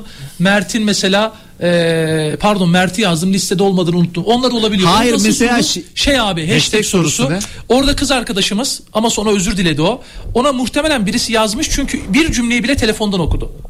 Bir de orada galiba o hashtag'i şu anlamda sordu. Ya Fenerbahçe bu kadar hakemlere rağmen kazanıyor. Yine de bu hashtag açılmış gibi sordu. Onu da anlatamadı. Sonra arkadaşımız da özür diledi. Hayır, hashtag adını verdi. Kim sordu Hashtag adını Ben ver. kaçırdım. Sosyal medyadan soru sorulmaz bu dedi. şekilde. Alper de uyardı. Sosyal medyadan sorma dedi. Abi ben sana şöyle söyleyeyim. Burada burada en son eleştirilmesi gereken bence e, bizim meslektaşlarımız, bu işin içinde olan insanlar zaten 3 kuruş paralara çalışıyorlar. Kurumlar e, gittikçe geriye gidiyor. Düşünsenize deplasmana adam gönderemiyorlar. Onu ya, yapamıyorlar, dün bunu söyledim. yapamıyorlar. Yani Doğrudur. O kadar çok Kalite düştü. ki biz. Tabii. Düşünsene ben Galatasaray uçağıyla birlikte uçuyorum. Beşiktaş uçağıyla birlikte uçuyorum. Orada çocuklarla, futbolcularla, antrenörle, kondisyonerle sohbet ediyorum bir buçuk saat boyunca. Aynı otelde kalıyorum. Kamplarda birlikte futbolcularla maç yapıyoruz. Şu an maça giden gazeteci yok. Ve senin Abi, o zaman şey gazetecinin Murat bu- özür dilerim haber sıkıntısı yok ki abi. Yani zaten ortamı göre ediyor. Şimdi muhtemel 11 paylaşınca ya bu 11'i niye verdiniz diye Fenerbahçe'de konuşuluyor. Beşiktaş'ta geçen konuşuluyor. Galatasaray'da Okan Buruk çıkıp konuşuyor. Abi gazetecilik mesleğini bu kadar çok şey yapmayın öldürmeyin ya. Yani insanlar taksi başında saatlerce çalışıyor. Çok bence gayet iyi para kazananlar da var bu işten. Sen eski gazeteciliği görmediğin için kardeşim belki yaş de- olarak. belki de bilmediğim yaş için olarak. evet. Yani e, eski Ama şu an abi oturduğun yerden mesela abiler, Ahmet Nezi Konaç abiler oturduğu yerden Abi ben sana Ahmet- ben sana Ahmet katılmıyorum abi. Gazetecilik bilir var ya. Gazetecilik 25 yıl bırakmış. Uçardı üstümüze. O 25 yıl, müdürler 25 var ya uçardı üstümüze. Ahmet öyle Ahmet Konanç öyle bir hata yapacak var ya. Şansal abi onu lime lime ederdi. Rahmetli. Nezih abi bak mezardan çıkıp onu öldürürdü yani. Tabii tabii ama zevkliydi be abi. Abi, o ayrı bir şey. O Ha, ayrı bir şey. Anlatırdık kendimiz ama çok zevkliydi. E, eskiden gazetecilikte para da kazanırdı. Şimdi bir de abi ama şöyle bir şey var.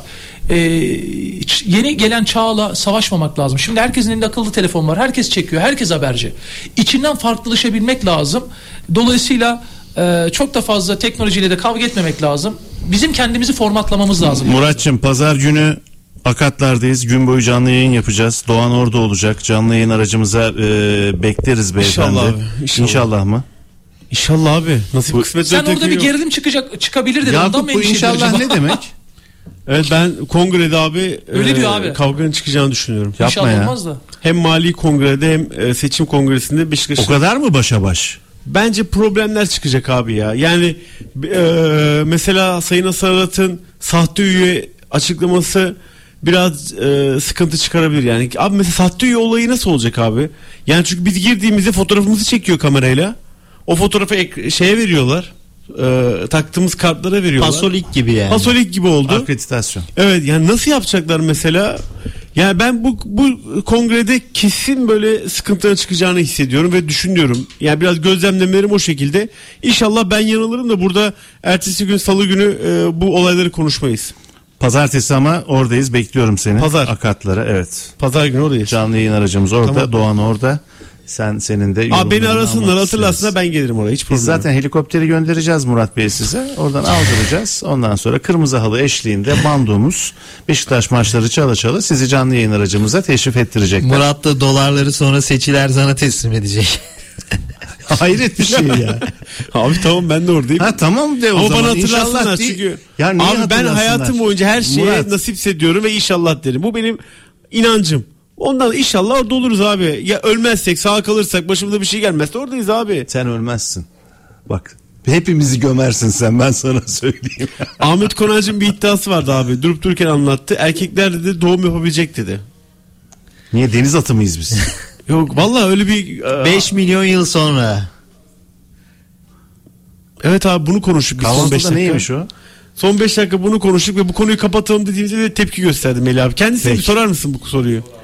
Ahmet son soru Sinan abiye bağlanacağım çünkü. Buyur abi. Erkeklerin 5 milyon yıl sonra doğurabileceği konusu nedir abi? Hayır. Bak gazeteci görüyor musunuz nasıl ilgisini çekiyor? Siz hemen kendinize yoruyorsunuz işi. Abi Y kromozomu varmış bizde ben bilmiyorum. Ee? Biz erkek yapan oymuş. Bilim adamlarına göre bugün gazete haberi ya.